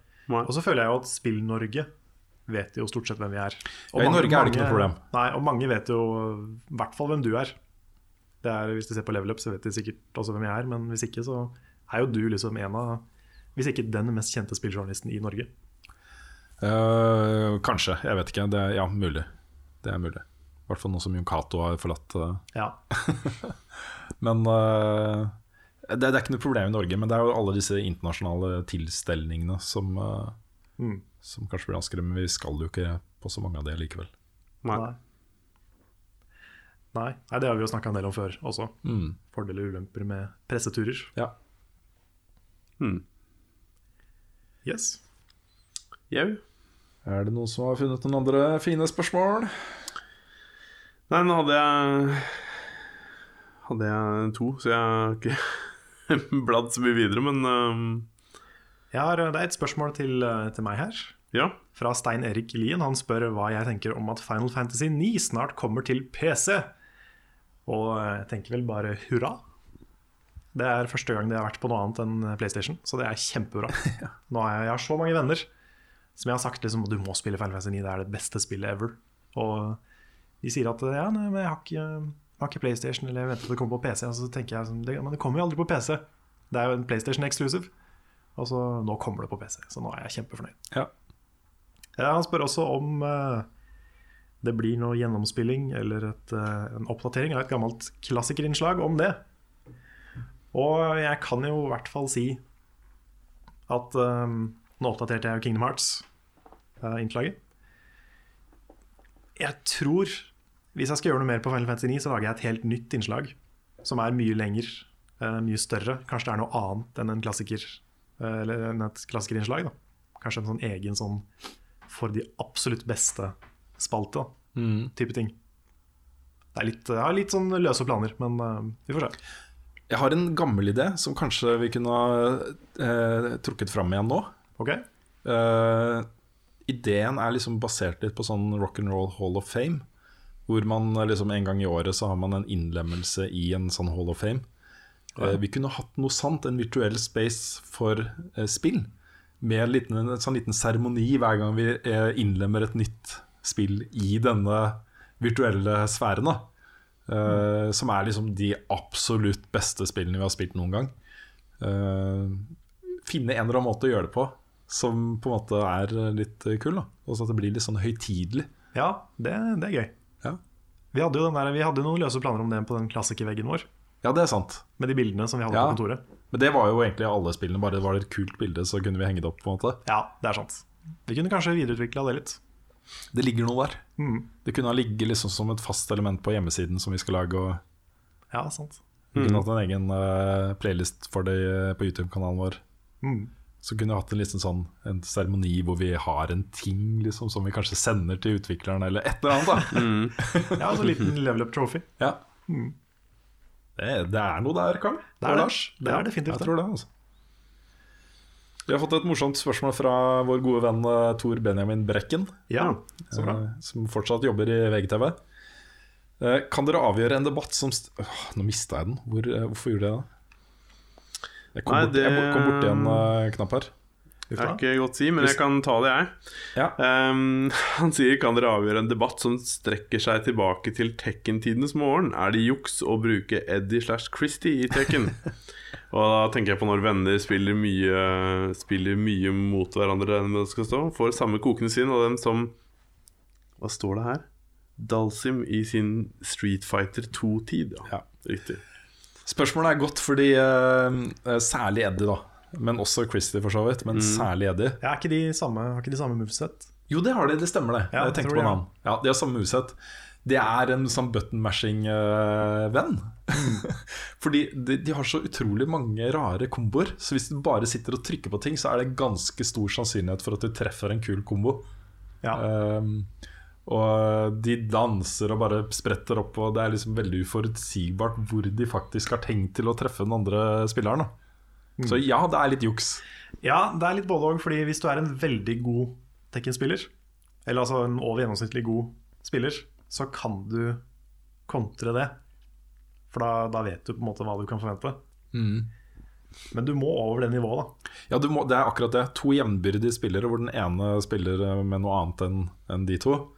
Uh, og hvis den andre er liksom ganske kjip, da, så, så skal det litt til for å, for å eh, vinne. Mm. Men det fins jo andre Tekken-karakterer som også er, jeg opplever som litt urettferdig gode. da Og da kanskje først og fremst uh, Law, som Ja. er så kjapp. Ja, Og har noen sånne angrep som eh, bare er så urettferdig når du først setter i gang en sånn kombo. Men jeg tror du kan være ganske cheap med de fleste av de, Ja. hvis du er god med de. Eller altså hvis du, hvis du kan riktige moves, da. Sånn som eh, Jeg ble ganske stygg med Brian en periode. Ja. For han hadde noen sånne long range-spark som du bare kan bruke igjen og igjen og igjen. Og noen av de er litt vanskelig å blokkere. Ja. Så mm, jeg tror du kan være litt sånn halvjuksete med mange. Altså. Jeg husker En av de første duellene vi hadde, var jo i Tekken. Det var det. Ja. Og da vant jeg jo med en sånn skikkelig cheap greie, sånn button, button mashing. Ja, det, det. stemmer det. Ja. Du, det, er, det er så morsomt, for du prøvde deg på så mye rart i de første par sesongene. Når du fikk han derre Sondre til å spille for deg i Sonic Adventure og sånne ting. Det er, jeg gikk med på de greiene der. ja, det er rart. Det, ja. Men jeg vant, da. Juks og fanteri. Mm. Ja, definitivt. Fra, fra, fra min side. Jeg har lyst til å svare på et, eh, på et spørsmål her. Ok. Det, um, det, er en som, eh, det er Even er Ersland, eller ja, Ersland. Um, han har et spørsmål til meg, da, men um, det er spesielt det siste jeg vil svare på. Men han skriver at eh, hva var det første spillet jeg spilte? Hva var grunnen til at jeg starta med YouTube? Også til alle. Hvis dere, hvis dere måtte velge et yrke som ikke var journalist slash spillerelatert, hva ville dere jobbe med? Og jeg ville vært helikopterpilot. Det var veldig spesifikt, Lars. Lars. Yes, Ja, men det det? har jeg, fordi det har jeg virkelig lyst til. Det er noe jeg syns er så kult, så det er en ting som jeg virkelig har Det har jeg tenkt på så mange ganger at jeg har lyst til å gjøre. Aldri gjort noe med det, men det hadde vært et uh, utrolig kult uh, yrke. Ja. Og for øvrig, det første spillet jeg spilte, det var et eller annet sånn eh, Roger Rabbit på Commodore 64 eller noe sånt. Nå. Det var før jeg liksom Ja. ja. ja. Jeg ville vært uh, manusforfatter, kanskje. ja. Hvis jeg kunne vært det. Hvis jeg kunne blitt det, så hadde jeg Ja. blitt det. Mm. Hvis ikke det kunne handle om spill, så Ja. Jeg hadde Jeg- noe som ikke var spillrelatert, så Ja, En ting som jeg savner med å drive med design, er den derre um, Det å sitte og fikle med ting. Ja. Og så pusle med ting og være litt sånn perfeksjonist på piksler. Mm. Uh, jeg, det kunne jeg godt tenkt meg å gjøre. Uh, og så er jeg litt lei meg for at jeg ikke kan kode, programmere. Det tror jeg også hadde Ja. passa meg godt. Det å sitte og lage kode og programmere ting og få ting til å funke. Mm. Det også tror jeg kunne vært en eh, god, uh, god jobb for meg. Mm. Det hadde ikke vært en god jobb for meg. Det har jeg prøvd. Det, det er vanskelig. Ja, men jeg, altså, jeg har så respekt for de som eh, kan gjøre det. Mm. Sette seg ned med komplisert kode for å få ting til å bli dritbra. Mm. Sånn som han Espen som har uh, Hovlandsdal, som har eh, hjulpet oss masse opp igjennom. Jeg blir så fascinert av måten han jobber på, at det er mulig å sette seg ned og bare lage kode som gjør ting. Det er litt sånn magisk, syns jeg. da Ja, det er veldig kult. For det, virker så uforståelig. Og når du kommer frem til noe, så, så det, det er liksom en det, det bygger noe som er lett forståelig for de som ser det når de får det, men bakgrunnen er sykt komplisert. Veldig. Og det er jo den prosessen der som er eh, spennende. Ja, jeg syns også det er spennende. Ja. Jeg prøver å se gjennom det. Vi skal runde av nå straks. Bare... Jo, her er spørsmål fra Bjørn Kristoffer Løsnes Løkken. Har dere planer om å se Zootopia, eller eh, skråstrek eh, Zootropolis? Hvis dere har sett den, hva syns dere om den? Jeg for øvrig likte den veldig godt. Jeg har sett den. Ok, Den var dritbra. jeg har Kjempebra. ikke, ikke sett den. Jeg så den med kone og barn, så jeg Ja. så den jo da på norsk. Eh, men dette er jo den nye Pixar-filmen. Den er eh, veldig god story, rett og slett. Veldig sånn oppbyggende, veldig eh, Ja, den tar opp voksne temaer på en veldig underholdende måte. Så ja, jeg likte den kjempegodt. Ja, Får ta se den, da. Jeg har ikke Har ikke sett eh, noen Pixar-filmer på veldig lenge, så ja. Ja, jeg tenker vi skal runde av. Vi har plukka ut et par spørsmål eh, som vi tenkte å ta til slutt. Vi er ikke helt ferdig med det. Vi skal også helt eh, til slutt i denne podkasten begynne på disse shoutoutene som vi har lovt. Til Det skal vi. Patreon-backerne våre. Mm. Eh, det burde vi kanskje ha nevnt helt i starten av podkasten også. Ja, det burde vi nok. Ja. Men Captain Hindsight videre. Mm. Ja, fordi uh, Ja, vi kan ta det etterpå. Ja. Vi tar spørsmålene først. Uh, Et veldig interessant spørsmål fra Mats Christian Listner. Uh, Hvordan ser dere for dere level up om et år med tanke på økonomi, ansatte, spalter og hvordan det legges frem, sponsorer og samarbeidspartnere? Vi skal ikke dra hele businessplanen vår her og nå, men vi skal jo lage en businessplan nå. Det Det vi. må vi gjøre. Det må vi. Uh, og det er rett og slett fordi eh, vi kan ikke gå til Innovasjon Norge og be om penger uten å, uten å ha en businessplan. Nei, men det er jo en av planene, å prøve å søke om støtte der vi kan. Ja, så det er jo et, et av eh, svarene. Vi skal søke eh, støtte så mange steder som mulig. Og der finnes det mange muligheter. Veldig mange muligheter. Eh, så det er jo en uh, fin ting Mm. for oss. Definitivt. Mm. Sånn sett er vi heldige som bor i Norge, som har en del ordninger. Det er vi absolutt. Eh, ellers så er jo liksom Ok, eh, den planen vår her er jo skalerbar. Fra eh, at bare du og jeg sitter og nerder, og alle andre som deg og Lars og andre bidrar gratis hvis de gidder, til at vi har et budsjett som vi kan hente fra når vi skal betale Nick og sånne ting. Vi har ansatt deg, Lars. Eh, kanskje du har fått noen aksjeandeler i selskapet. Eh, vi har et fast sted å være hvor det står logoen vår på døra. Eh, sånne ting. Det er jo det jeg håper om et år, at vi er der. Ja, Drømmesituasjonen hadde vært hvis vi var en ordentlig redaksjon som var ansatt. Det, det er litt naivt å håpe at det skjer fort, men i en eller annen perfekt framtid så hadde det vært utrolig kult å vært mange ansatt. Ja, Det jeg tenker da er at eh, ok, for en satsing som vår, som er veldig spillspesifikk, så er det potensialet for si kanskje maks fire eller fem heltidsansatte, tror jeg da. Ja, Uh, hvorav en av de kanskje bør være bare sånn business, som håndterer uh, sponsorting og ja sant. sanne ting, liksom pengene. Eh, men si fire da, som jobber redaksjonelt. Hvis det blir noe særlig mer enn det, så er vi ikke nok mennesker i Norge tror jeg, til å få det til å bli god butikk. Nei, det er nok noe i det. Eh, men vi har jo muligheten til å gjøre andre ting enn spill også. Og da kan man jo plutselig se for seg at ok, om fem år så har vi kjøpt et hus i Oslo. Hvor eh, liksom etasje én er level up, etasje to er vår nye TV-seriesatsing. Watch up. Ikke sant? Watch Eh, watch, eh, watch, eh, etasje tre er liksom studio hvor folk kan komme inn og leie plass. Og så det er mange sånne ting vi kan gjøre. da Ja. Eh, Så hvis vi først skal begynne å tenke business-business, så har vi jo en del muligheter som ikke bare inkluderer spill. Mens på kort, kortere sikt, på et år, et toårsperspektiv, så håper jeg bare at vi får stabil nok, eh, stabil nok økonomi i dette her. Til å ansette deg, Lars, til å betale Nick og de andre eh, en god pris da for det, de bidragene de gir Ja. til, eh, til oss. Ja, for Folk skal jo få penger for det de gjør for oss nå også, Ja. men eh, vi vil gjerne betale så mye som mulig også. Ja. Så foreløpig så har vi jo satt den prisen ganske lavt, rett og slett fordi vi tør ikke noe annet. Nei, vi har ikke penger. Nei, det er, eh, sånn er det bare. Mm. Men eh, ja. Så ser jeg for, for meg at vi kanskje har én eller to uh, sponsorer Ja. som uh, betaler én gang i året en ganske grei sum. At vi slipper å liksom tenke uh, Vi har ikke gjort noen salg i mars, vi må ut og selge noe i mars. Ja. Ja. Ja, det høres stress ut. Ja, ikke sant? Vi kan jo ikke ha det sånn. Nei. Vi kan ikke bruke tid på det og energi på det, for det er, eh, ja, det er døden. Mm. Kanskje vi har et TV-program. Kanskje. Mm. Det er jo Ingenting er umulig. Ingenting er umulig. Også et eh, TV-TV-program. Mm. Um, en ting som jeg har veldig lyst til å bruke tid på eh, når ting legger seg litt, er litt sånn talentspeiding. For det, jo, det kommer jo opp nye talenter hele tiden.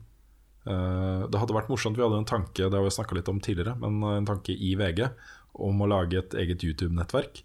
Som jo ville vært veldig fokusert på det, å hjelpe folk til å eh, komme, i, komme opp og frem. Eh, men også bidra med innhold inn i sentralt i systemet vårt, på en måte. Mm. Um, mot honorering og mot eksponering og sånne ting. Ja. Så det hadde vært kult at uh, Ja, vi, vi, hadde jo, vi hadde jo et kult konsept for det, egentlig. Ja. Som eh, et litt annen type YouTube-nettverk enn de som finnes i Norge nå. ja, Som ikke var så kanskje fokusert på volum, men mer sånn folk vi har lyst til å jobbe sammen med, og som passer sammen med vårt konsept. Ja, jeg, er, eh, jeg merker jeg blir egentlig bare Altså Det er mange flinke folk som jobber i de forskjellige nettverkene, og sånn. men jeg merker at for min egen del så blir jeg bare mer og mer skeptisk til å ha et sånt nettverk på både min kanal og på Level Up-kanalen. Jeg vet ikke, Det er mulig at vi må gjenbesøke den ideen senere, men vi har jo vært innom uh, flere, flere nettverk uh, og diskutert muligheter og, og sånne ting. Um, og problemet vårt der, sånn som situasjonen er i dag, er jo at uh, vårt mandat er jo fra Patrion. det, det er der vår lo lojalitet ligger. Mens målet til de store YouTube-nettverkene er jo å tjene så mye penger som mulig. Selvfølgelig ikke ved å være kjipe, men ved å hjelpe kanalene til å nå frem og bli store og generere inntekter på den måten. Ikke sant? Så det ligger masse positive ting der. Um, men det medfører en del hva skal man si, problemstillinger for oss. Ja, og så forutsetter det litt, eh, i hvert fall hvis du skal uh, få noe ut av det, da. Så må du på en måte kanskje takke ja til litt sånne kleine Grandiosa-reklamer og sånne ting, da. Og vi har ikke så veldig lyst til å være der. Nei, eh, drømmesituasjonen Det kan hende at vi må, vi må revurdere. Det må kanskje. dere begge to være klar over her. Ja. Fordi eh, hvis du setter liksom eh, Ok, den type ting opp mot Nei, folkens, vi må bare legge ned og gjøre noe annet. Så kan det hende at man kan gjøre ting som man kanskje normalt sett ikke ville gjort. da Ja. Um, det det fins jo mange ting vi kan gjøre uten at det går utover vår integritet. For det er som bare føles, føles feil for oss. Ja. Ikke sant? Uh, så, så det kan hende at vi må gjenbesøke det, den ideen etter hvert. Kanskje. Men uh, håpet vårt er jo at vi skal slippe det. At vi får lov til å være oss selv 100 Mm. Og da lage bare avtaler som uh, sikrer det, egentlig. Ja. For det, altså, holdt på å si, stemmene våre kommer jo aldri til å være til salgs. Nei, Sånn- meningene våre kommer aldri til å være Aldri, aldri til å være til salgs. Nei. Det er, uh, det er liksom ufravikelig. Ja, for det, det øyeblikket man gjør det, så har man mista alt. Mm. Da, da er det ikke noe vits å høre på deg lenger, for da, da har du blitt kjøpt, på en måte. Ja. Så det er det verste man kan gjøre. Ja, så Det vil jo styre alt vi gjør uansett. Og det vil aldri vi vil aldri komme i en sånn situasjon hvor eh, vi vurderer å selge meningene våre for å, å overleve. Da tar Nei. vi og selger og jobber andre steder og gjør Ja. noe annet. Ikke sant? Mm. Definitivt. Greit, du hadde funnet et eh, spørsmål du også, som var eh, Hadde jeg det? Ja, Relatert til eh, det her. du tok, skulle ta screenshot av det, Karl? Ja, men jeg, tok, jeg brukte opp mine nå. Å ja, det var det du tok tidligere? Ja, sikkert. Å ja, ok, greit. Da tar vi en liten Ja. vignettpause, og så skal vi snakke litt om, om de fantastiske backerne våre på Patreon Det skal vi gjøre. Vi har kommet til en liten bonussegment-ting-tang i podkasten vår, nemlig shoutouts. Fordi eh, folk har blitt trukket på Patron, og det betyr at vi har lova bort noen shoutouts til de som har gitt over 50 dollar, er det vel eh, vi satte opp? Det er helt riktig, og det er jo fryktelig mye penger. Det er det. Det er fryktelig mye penger. Vi antar jo at ikke alle kommer til å fortsette å ligge på 50 dollar i måneden. Nei, det er mye penger å betale i måneden. Ja, det er det. Eh, Men det har jo så utrolig mye å si for oss. Eh, Det har jo bidratt til at eh, den summen som vi er oppe i, gjør at vi ikke trenger å bruke liksom alle pengene våre nå på kontorer og studio og honorering av folk og sånt. Vi kan sylte bort litt penger og ha det som sikkerhet for neste år. Det, betydningen av det er jo bare helt vanvittig. For vi er jo på sluttpakker nå, du og jeg, Karl. Ja, vi er det. Det er der vi henter lønna vår, og det skal vi gjøre noen måneder fremover. Så, så det, er, det, det at det har kommet inn så mye penger nå, er helt vanvittig. Og det er jo masse folk som har backa 50 dollar eller mer. Eh, Og det, det betyr veldig mye for oss. Ja. Så de skal rett og slett få en liten kjærlighetserklæring fra oss nå. Og den er uh, ektefølt. Og det Det er, er det er litt morsomt å sitte og se på de navnene også, for da er det liksom ikke bare en sum. Nei, nei. Det er personer. Det er mennesker. Det er mennesker som, eh, eh, som er glad i oss, og som vi er veldig glad i. Og noen av de kjenner jo til meg godt personlig. Ja, noen av de er jo, er venner av oss. Ja, ikke sant? Jeg må ta av meg brillene. Ja. Uh, ja, skal vi begynne på toppen? Vi begynner på toppen. Uh, her har vi Martin Gulbrandsen. Og det fine med, med Martin Gulbrandsen, det er at han faktisk fikk navnet sitt fordi han vant gullprisen i Ålreit i, i 19, uh, 1922. Å ja. Så han, eh, han kjenner jeg fra den tida. Ja. Det, han er en ordentlig kjernekar. Han vant jo pris for å være en kjernekar, faktisk. mm. Så det mm. Ja. Um, nummer to på lista her um, er Anders Lønning. Uh, vi- kjenner han litt som Andy Lønn. Det gjør vi. Ehm, og det som er litt uh, spesielt med han, er at, uh, at uh, han, det er ikke så lett å få han ansatt. Fordi når alle går liksom rundt da på slutten av måneden, så maser jo alle om lønning, ikke sant? Og, eh, og da, det betyr at han får det ganske ille. Han blir liksom sendt rundt fra person til person. Eh, alle vil ha lønning. Ja, riktig. Ja. Ja, han er populær, sånn sett. Mm, ja, veldig populær. Ja, alle vil ha Anders Lønning. Ja. Ja, eh, neste er eh, Bjørn Furuknapp. Men, Han, han er jo en eh, litt sånn nestor i Internett-Norge. Han eh, har gjort masse kule ting. Han er også spillutvikler, men han har også en uh, kul blogg og litt uh, Ja, riktig. Litt Ja. Ja.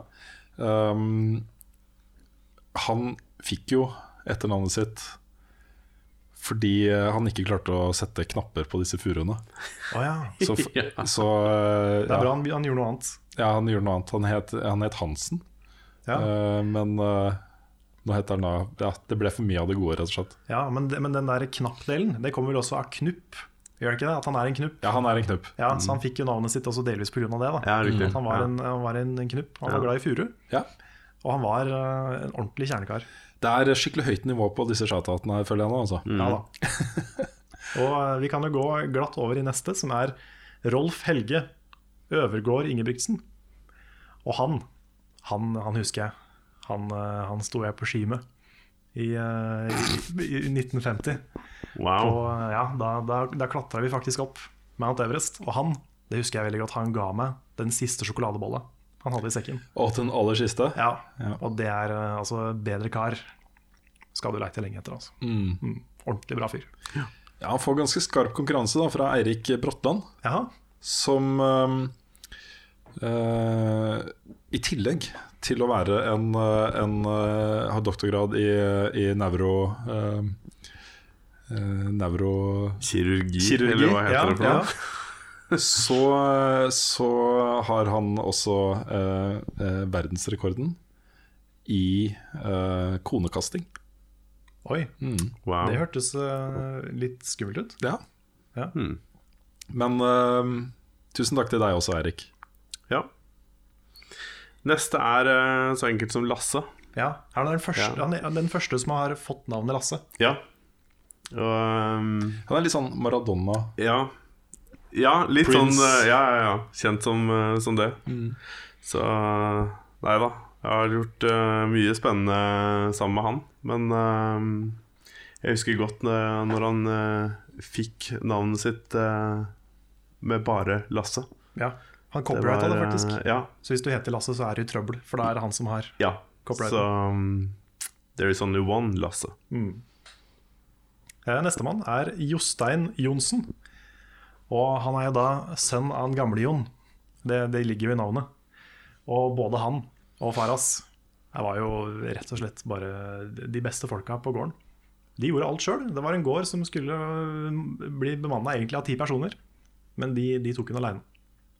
Og produserte bare det, beste smøret du kunne få i hele Tønsberg. Det husker jeg. Det var god tid. Ja. Og så har du Lars, da, som, eh, som han er jo et, et produkt av en ganske opprivende eh, familie, og langvarig familiestrid. Um, han, han heter jo da Åsen Stranden til etternavn.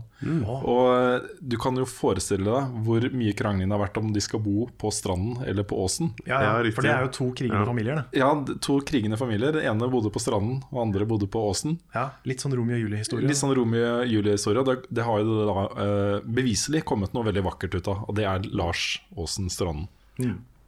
Der kan du se. Ja. Det er et, han han er et eksempel for alle krigende nasjoner. At det kan, man kan komme sammen. Man kan komme sammen. Yes, neste er uh, Tim André Stubberud. Og det man ikke vet om han, det var at eh, det var jo han som faktisk hadde og sto og varma opp den her stubben som revenka satt fast i. Ah, det var han, Så han er grunnen til at det eventyret kunne skje. Yes, ja. Så um, den var eh, god og klar til eh, at revenka kunne stå der med nesa i stubben. Så ja da. Så det er hans fortjeneste. Jepp. Mm. Bra ja, mann. Neste er jo en person vi eh, faktisk kjenner. Ja, jeg har jo vært på besøk hos han med kone og barn. Ja, vi har jo spilt Destiny og skal snart spille Final Fantasy og mye forskjellig. Mm. Det er jo Håvard Olsen. Eller Håvard Tøre Olsen. Han er jo en uh, knakende bra kar. Jeg har ikke så mye å tulle med der, Fordi jeg kjenner han jo, så det er vanskelig å tulle. Ja, um, det jeg kan avsløre, da, etter å ha vært, eh, bodd hos han i noen dager, Ja, er at eh, han har et eget rom som er eh, dedikert til innsamling av, av sånne skjell fra stranda. Så han har eh, 3747 sånne skjell. og han Wow. husker bakgrunnshistorien til alle skjellene. Så de står stilt opp i sånne montre hjemme hos han. Som han går da. Han bruker kanskje to-tre timer hver dag bare på å pusse de og, og se på dem. riktig. Nice. Ja. Neste er vel eh, din. Ja, det er meg nå, ja. Eh, det er Agnar Dahl. Um, det er ikke så mange som vet eh, at han faktisk heter Agnar Dahl, fordi eh, han var jo Norges første internasjonale superspion. Oi. Mm. Så, så han var jo egentlig helt anonym. Det var ingen som skulle vite hvem han var. Eh, og han har vært over hele verden og gjort eh, veldig mye. Alt det er jo selvfølgelig hemmelighetsstempla. Ja, Men er navnet egentlig Agnar Dahl, eller er det Eh, ja, også han står jo oppført med et ikke også et sånt, Det bildet av han der er jo bare den default bildet som du får på Patreon hvis ikke du legger inn bildet. Ja, ja, stemmer. Og det er ikke tilfeldig. Nei. Det er nok et alias. Men kredittkortet ditt funka, Agnar, så da er vi fornøyde.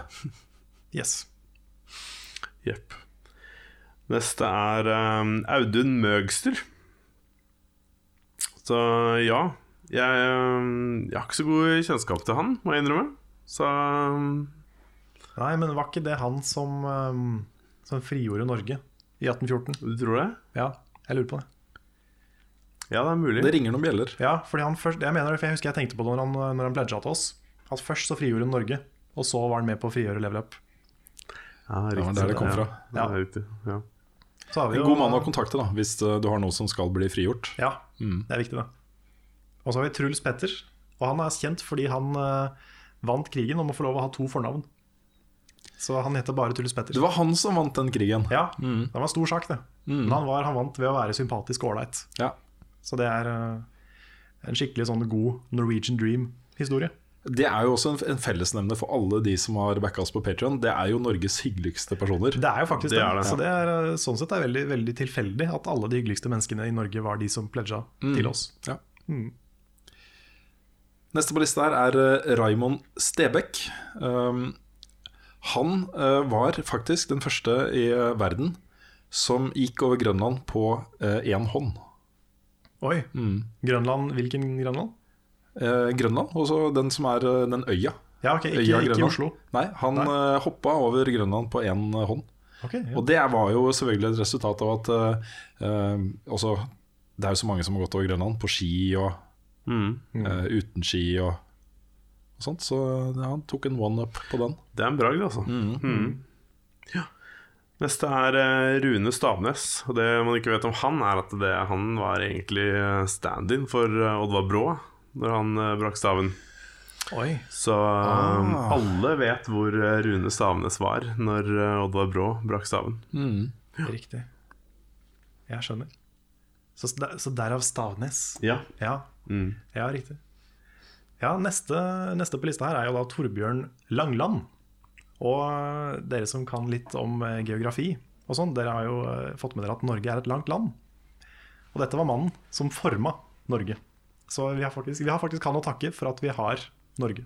Ja, fordi før han var inne i bildet, så var Norge veldig kort og stutt. Ja, sant? var veldig, eh, veldig sånn tjukt land. Ja. Mm. Så ja, det, jeg liker at vi har laget kyst, altså, så det er veldig bra. Tusen takk for det. Ja, takk for det.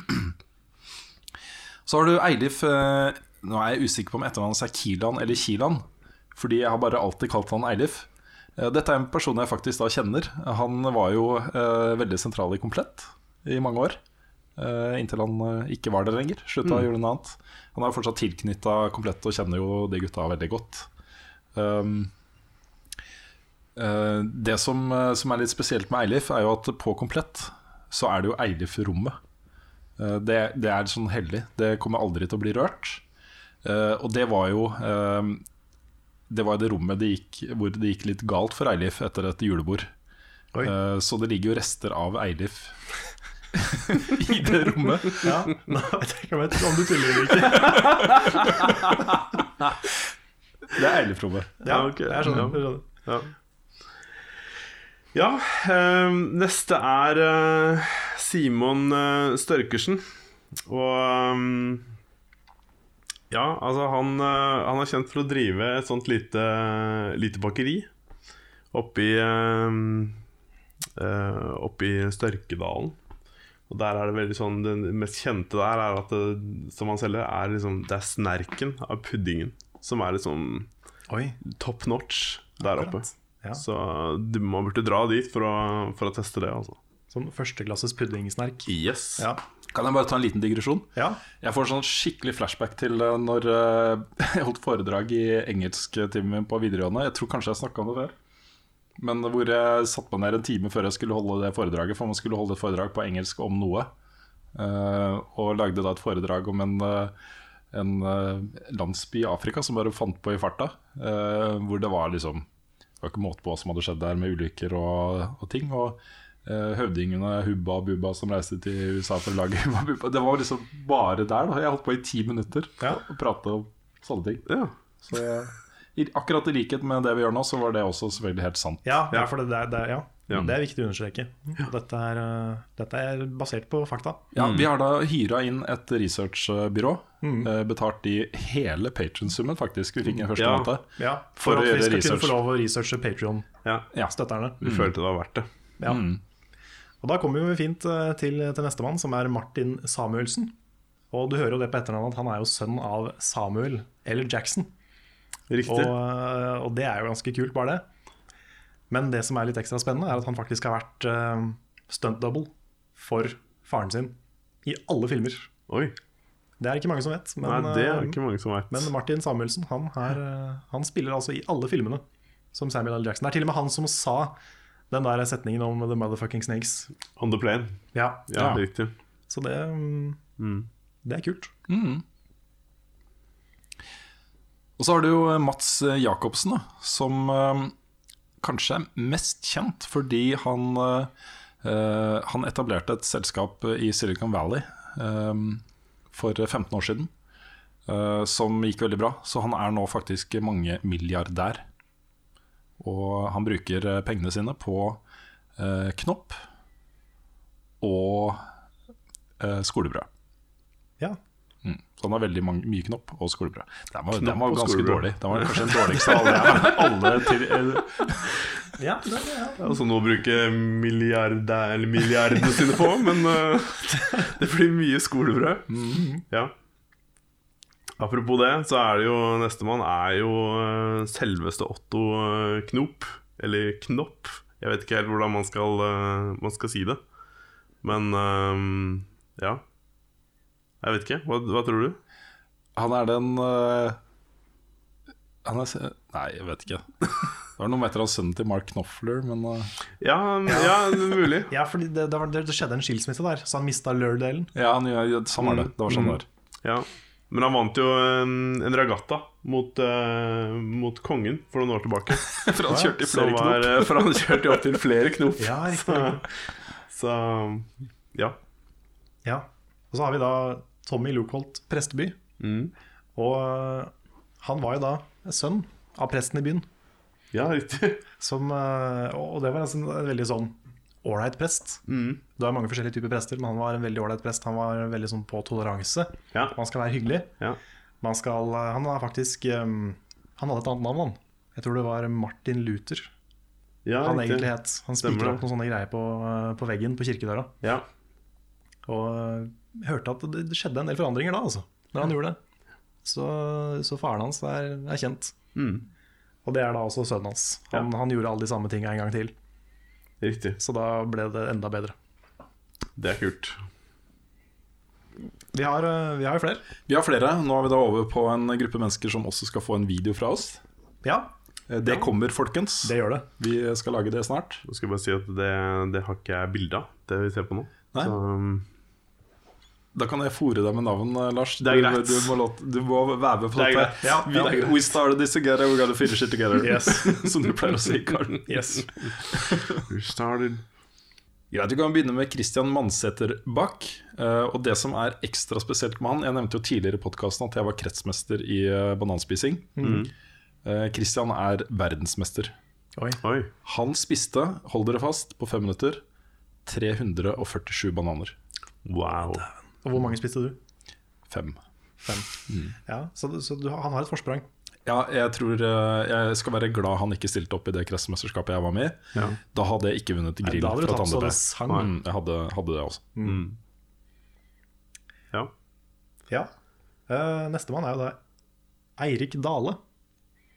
Og uh, han er Eirik Dale, ja. Ja, ja. du husker han? Jeg husker han. Vi eh, sykla mye til, eh, til den gamle godtefabrikken som lå like ved oss. Og pleide å um, gå litt i eh, containeren der. Der pleide de å kaste godteri som var gått ut på dato. Og da var det Dette var det Eirik som eh, hadde fått eh, snusen i. Så vi, vi levde jo, vi, på, på godteri fra den fabrikken. Mm. Så takket være Det var, det var bra lørdagsgodteri hos oss, for å si det sånn. Ja. Mm. Hold den uh, litt, rann, skal vi se. Uh, jeg skal bare sjekke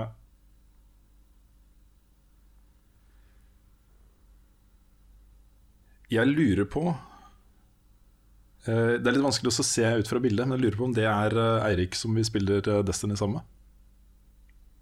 Kan det være det?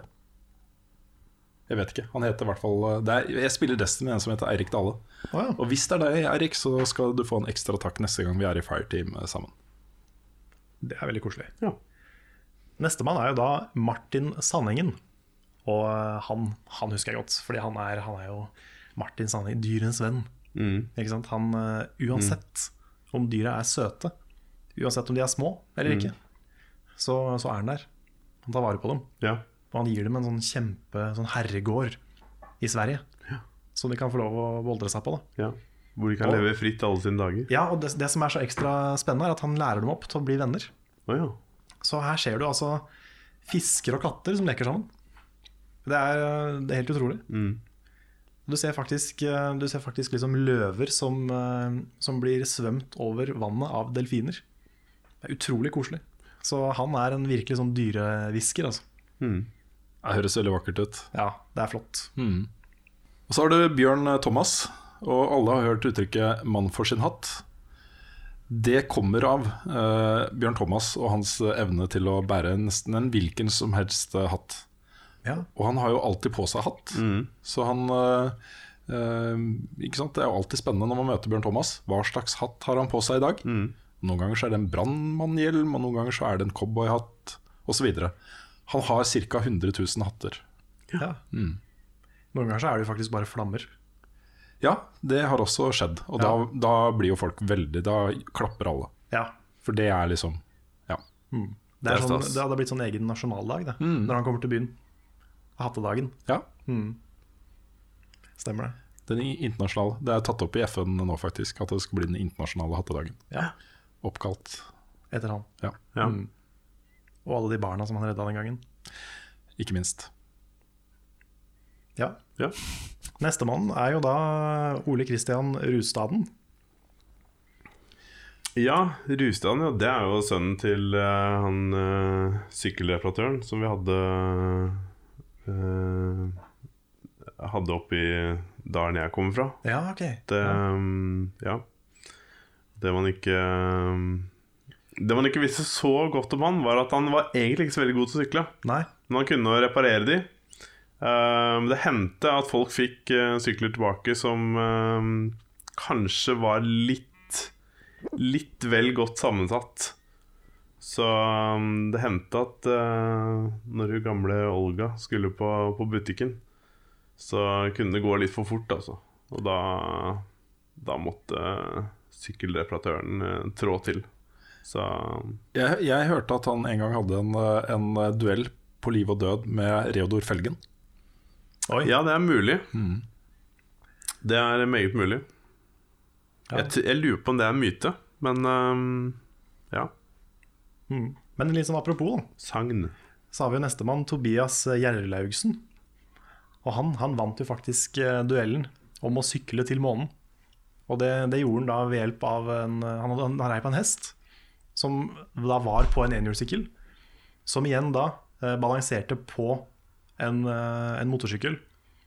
Som under der hadde en hai som sklei på en enhjørning med en rakettmotor eh, bak. Ja, for han kom ikke unna rakettmotoren. Den Nei, måtte med, han liksom. måtte ha den. Ja. Og det var det som gjorde at han vant. Ja, nettopp. Det og pågangsmot og optimisme. Ja, for de andre som prøvde, de kom jo ikke så langt. Nei, de kom, de kom til første stjerna, men de kom ikke til månen. Nei, riktig. Skjønner. Fordi som vi alle vet, så er stjernene er jo mye nærmere enn månen. Ja, det er sant. Og en av dem heter Erik. Ja, En av disse stjernene. mm, det er Disse flunkende stjernene. Som, eh, som har liksom falt ned til jorden og eh, blitt av Erik. Mm. Um, En velsignelse, faktisk. en velsignelse. Og vi skal jo være veldig glad for at eh, akkurat det skjedde. Fordi uh, han ser jo på programmet vårt og har backa oss på Patreon. Definitivt. Eh, han er i tillegg den eneste av backerne våre som har bildet sitt på skrått. Mm. Og det er ikke uh, fordi han har uh, tatt og gjort noe med det i Photoshop.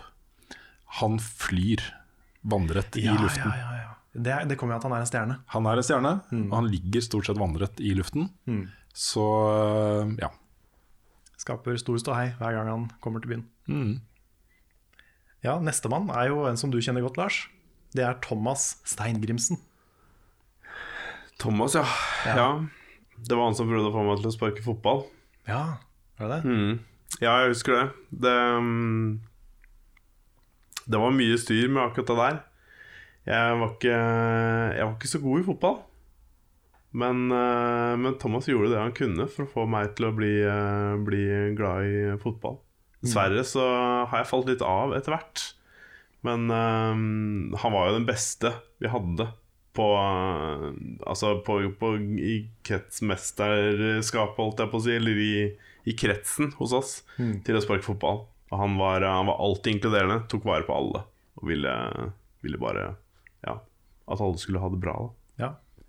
Ja. Så, Det var, han som, var ikke det han som sa 'believe in the ball'? and Believe in the ball. And, and throw yourself. Jo, Ja. jo. Det, vi ser jo hvordan eh, det gikk. For når jeg skulle sparke, så satte jeg dessverre beina opp på ballen og klarte å tryne istedenfor. Men um, ja. Det er også han som fant opp begrepet 'corner and mål'. ja. Riktig. Det er jo også Det er en sistemann her, som før vi kommer til de, de som faktisk skal være gjester i podkasten mm. framover. Sistemann vi nevner nå, det er eh, Pål N. Bjerklund. Og han, eh, det som, er, det som er litt morsomt med han, er at han eh, har kallenavnet Smith. Og eh, han har jo mange venner, så faktisk Smiths venner er jo faktisk bare hans venner. Som, eh, som har gått sammen og, og sprer budskapet om hvor ålreit han er. Og det er jo helt riktig. Det er jo den religionen eh, som er den riktige, ifølge Gud. Og ifølge liksom alle, alle gudene da, som fins. De har gått sammen og sagt at dette her, det er det som, er, det, er det som stemmer. De har det, ja. Ja, det der ligger en poll som, mm. som alle stemte på. Og En straw poll? Ja, Ja, på Hitbox blant annet, Yeah.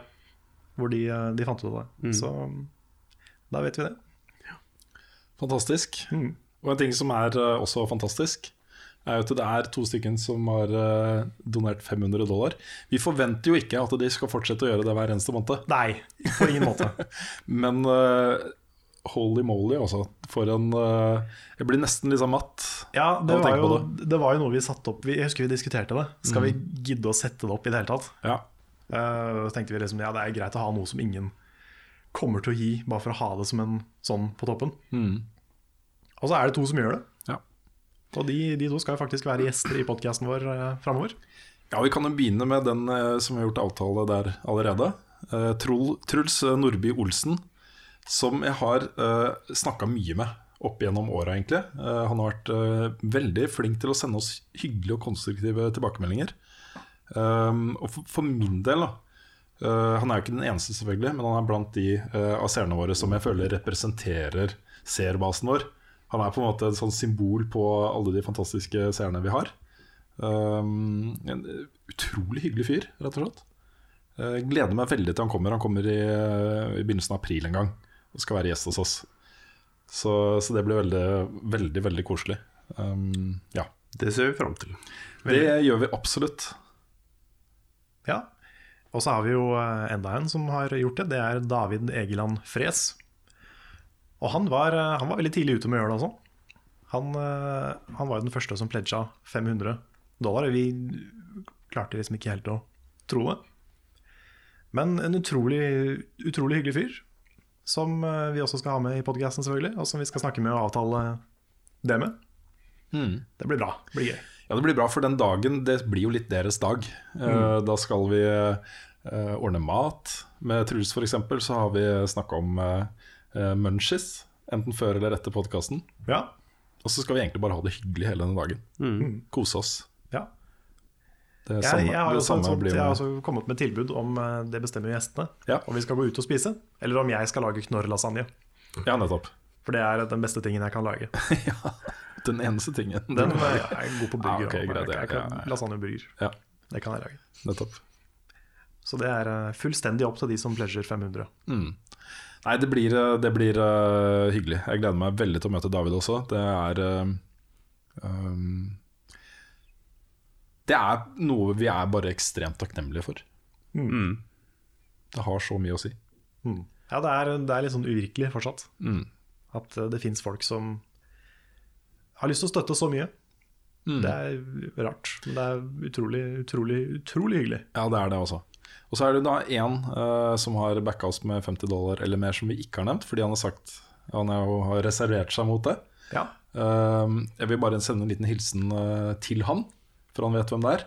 Eh, han har sendt oss et eh, par spørsmål, eh, både privat og på Patreon vi har ikke hatt tid til å sette oss ned og prosessere det ennå, men vi skal eh, snakke med deg.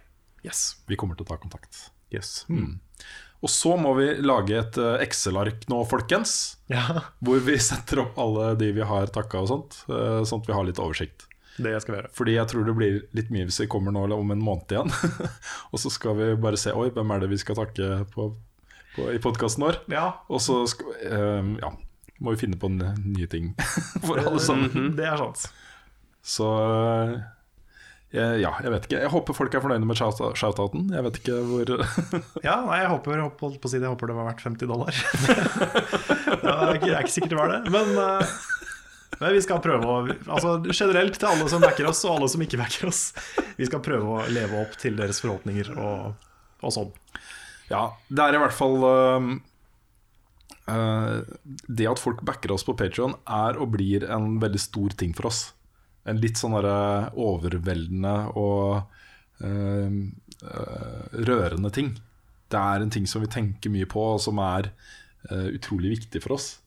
Og det dere betaler for, er rett og slett at vi kan sette oss ned og bare gjøre alle de tingene vi mener er riktig. Ikke bare sånn det vi har lyst til å gjøre, men ting vi mener er riktig, og ting mm. vi eh, tror eh, backerne våre vil være fornøyd med, og sånne ting. Istedenfor å da liksom gjøre masse greier for å tjene mest mulig penger på alt mulig rart annet, så kan vi gjøre det. Og produktet Level Up Norge blir bedre av det. Eh, vi har det bedre på jobb. Eh, dere som ser på, får et bedre produkt. Og det er egentlig bare bra greier med det. Ja, mm. det, er, eh, det, er, så utrolig positivt og bra for oss. Ja. Det, er, det, er, liksom bare kjempe, kjempefint. Ja. Og så vil jeg også legge til, eh, til alle dere som backer oss på Patron, er at vi ikke forventer at folk skal opprettholde høye månedsbeløp eh, måned etter måned. Vi, eh, altså, hvis du har mye penger, for all del, vel bekomme. Vær så ja. snill, det er bare hyggelig. Men, uh, men, det er lov å skru ned. Vi kommer ikke til å gå ned gå på listene våre.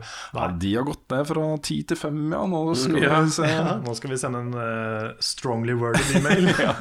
det er ikke sånn i det hele tatt. Nei, det er altså folk må for all del alltid sette sin egen økonomi først. Mm. Hvis det, enten man har lite penger, eller hvis man vil bruke pengene på andre ting. Uansett så er det bare å, bare å se an egen situasjon. Mm. Det, det har ikke vi noe med, og det kommer ikke vi til å legge oss opp i. Og er, vi er bare uansett takknemlige for det dere har gitt. Ja. Og Hvis du nå hører på uh, og liker det vi gjør, og uh, ikke backer oss på Patrion, så vil vi jo på det sterkeste oppfordre deg til å gjøre det. Du trenger ikke å sette av en månedslønn til å gjøre det. Du kan legge inn en dollar eller tre eller et eller annet. liksom. Uh, alle måneder drar her. Vi, dette er på en måte nå vår hovedinntektskilde. Det er det som gjør at vi kan fortsette å lage podkaster og videoer og, og sånne ting. Um, så det er fritt frem. Mm. Eh, kjør på. og så hjelper det selvfølgelig massevis om man bare deler linker og forteller venner om ting og, og sånne ting. Mm. Det også har mye å si. Ja. Så vi er veldig takknemlige for det også. Det er vi. Skal vi runde av, folkens? Det gjør vi. Den ble lang i dag òg. Altså. Ja, den gjorde det, gitt. Men uh, vi håper det er greit. ja. Vi kan prøve å stramme den litt inn, men det, det, noen ganger så blir det litt langt. Ja. Nå er vi jo blitt tre istedenfor to også. Ja, det har litt å si, det. òg. Det har det. Ikke at du har et problem, Lars? Nei, det Jeg tenkte ikke at det var det før du sa det, men det er greit. Um, Hvis alle bare ja, ja. snakker 33% mindre nå, så tror jeg det skal gå fint. Da er vi, ja. vi innafor. Mm. Ja. Mm. jeg, skal gå gjennom, jeg skal gå gjennom hele linja. Så skal jeg regne sammen hvor mye tid, hvem som har snakket mest. Ja. Mm. Skal vi se Da tar vi en alvorsprat med den som har snakka mest. ja, ikke sant? ja. Ta det på styremøte. Ja, men en, eh, hvert fall over to timers alvorsprat. Minst. Minst. Men ja, vi får uh, takke dere så mye for at dere ser på. Og uh, takk til Rune, takk til Lars, takk til meg. Så ses vi i hva enn dere føler for å se slash høre på neste gang.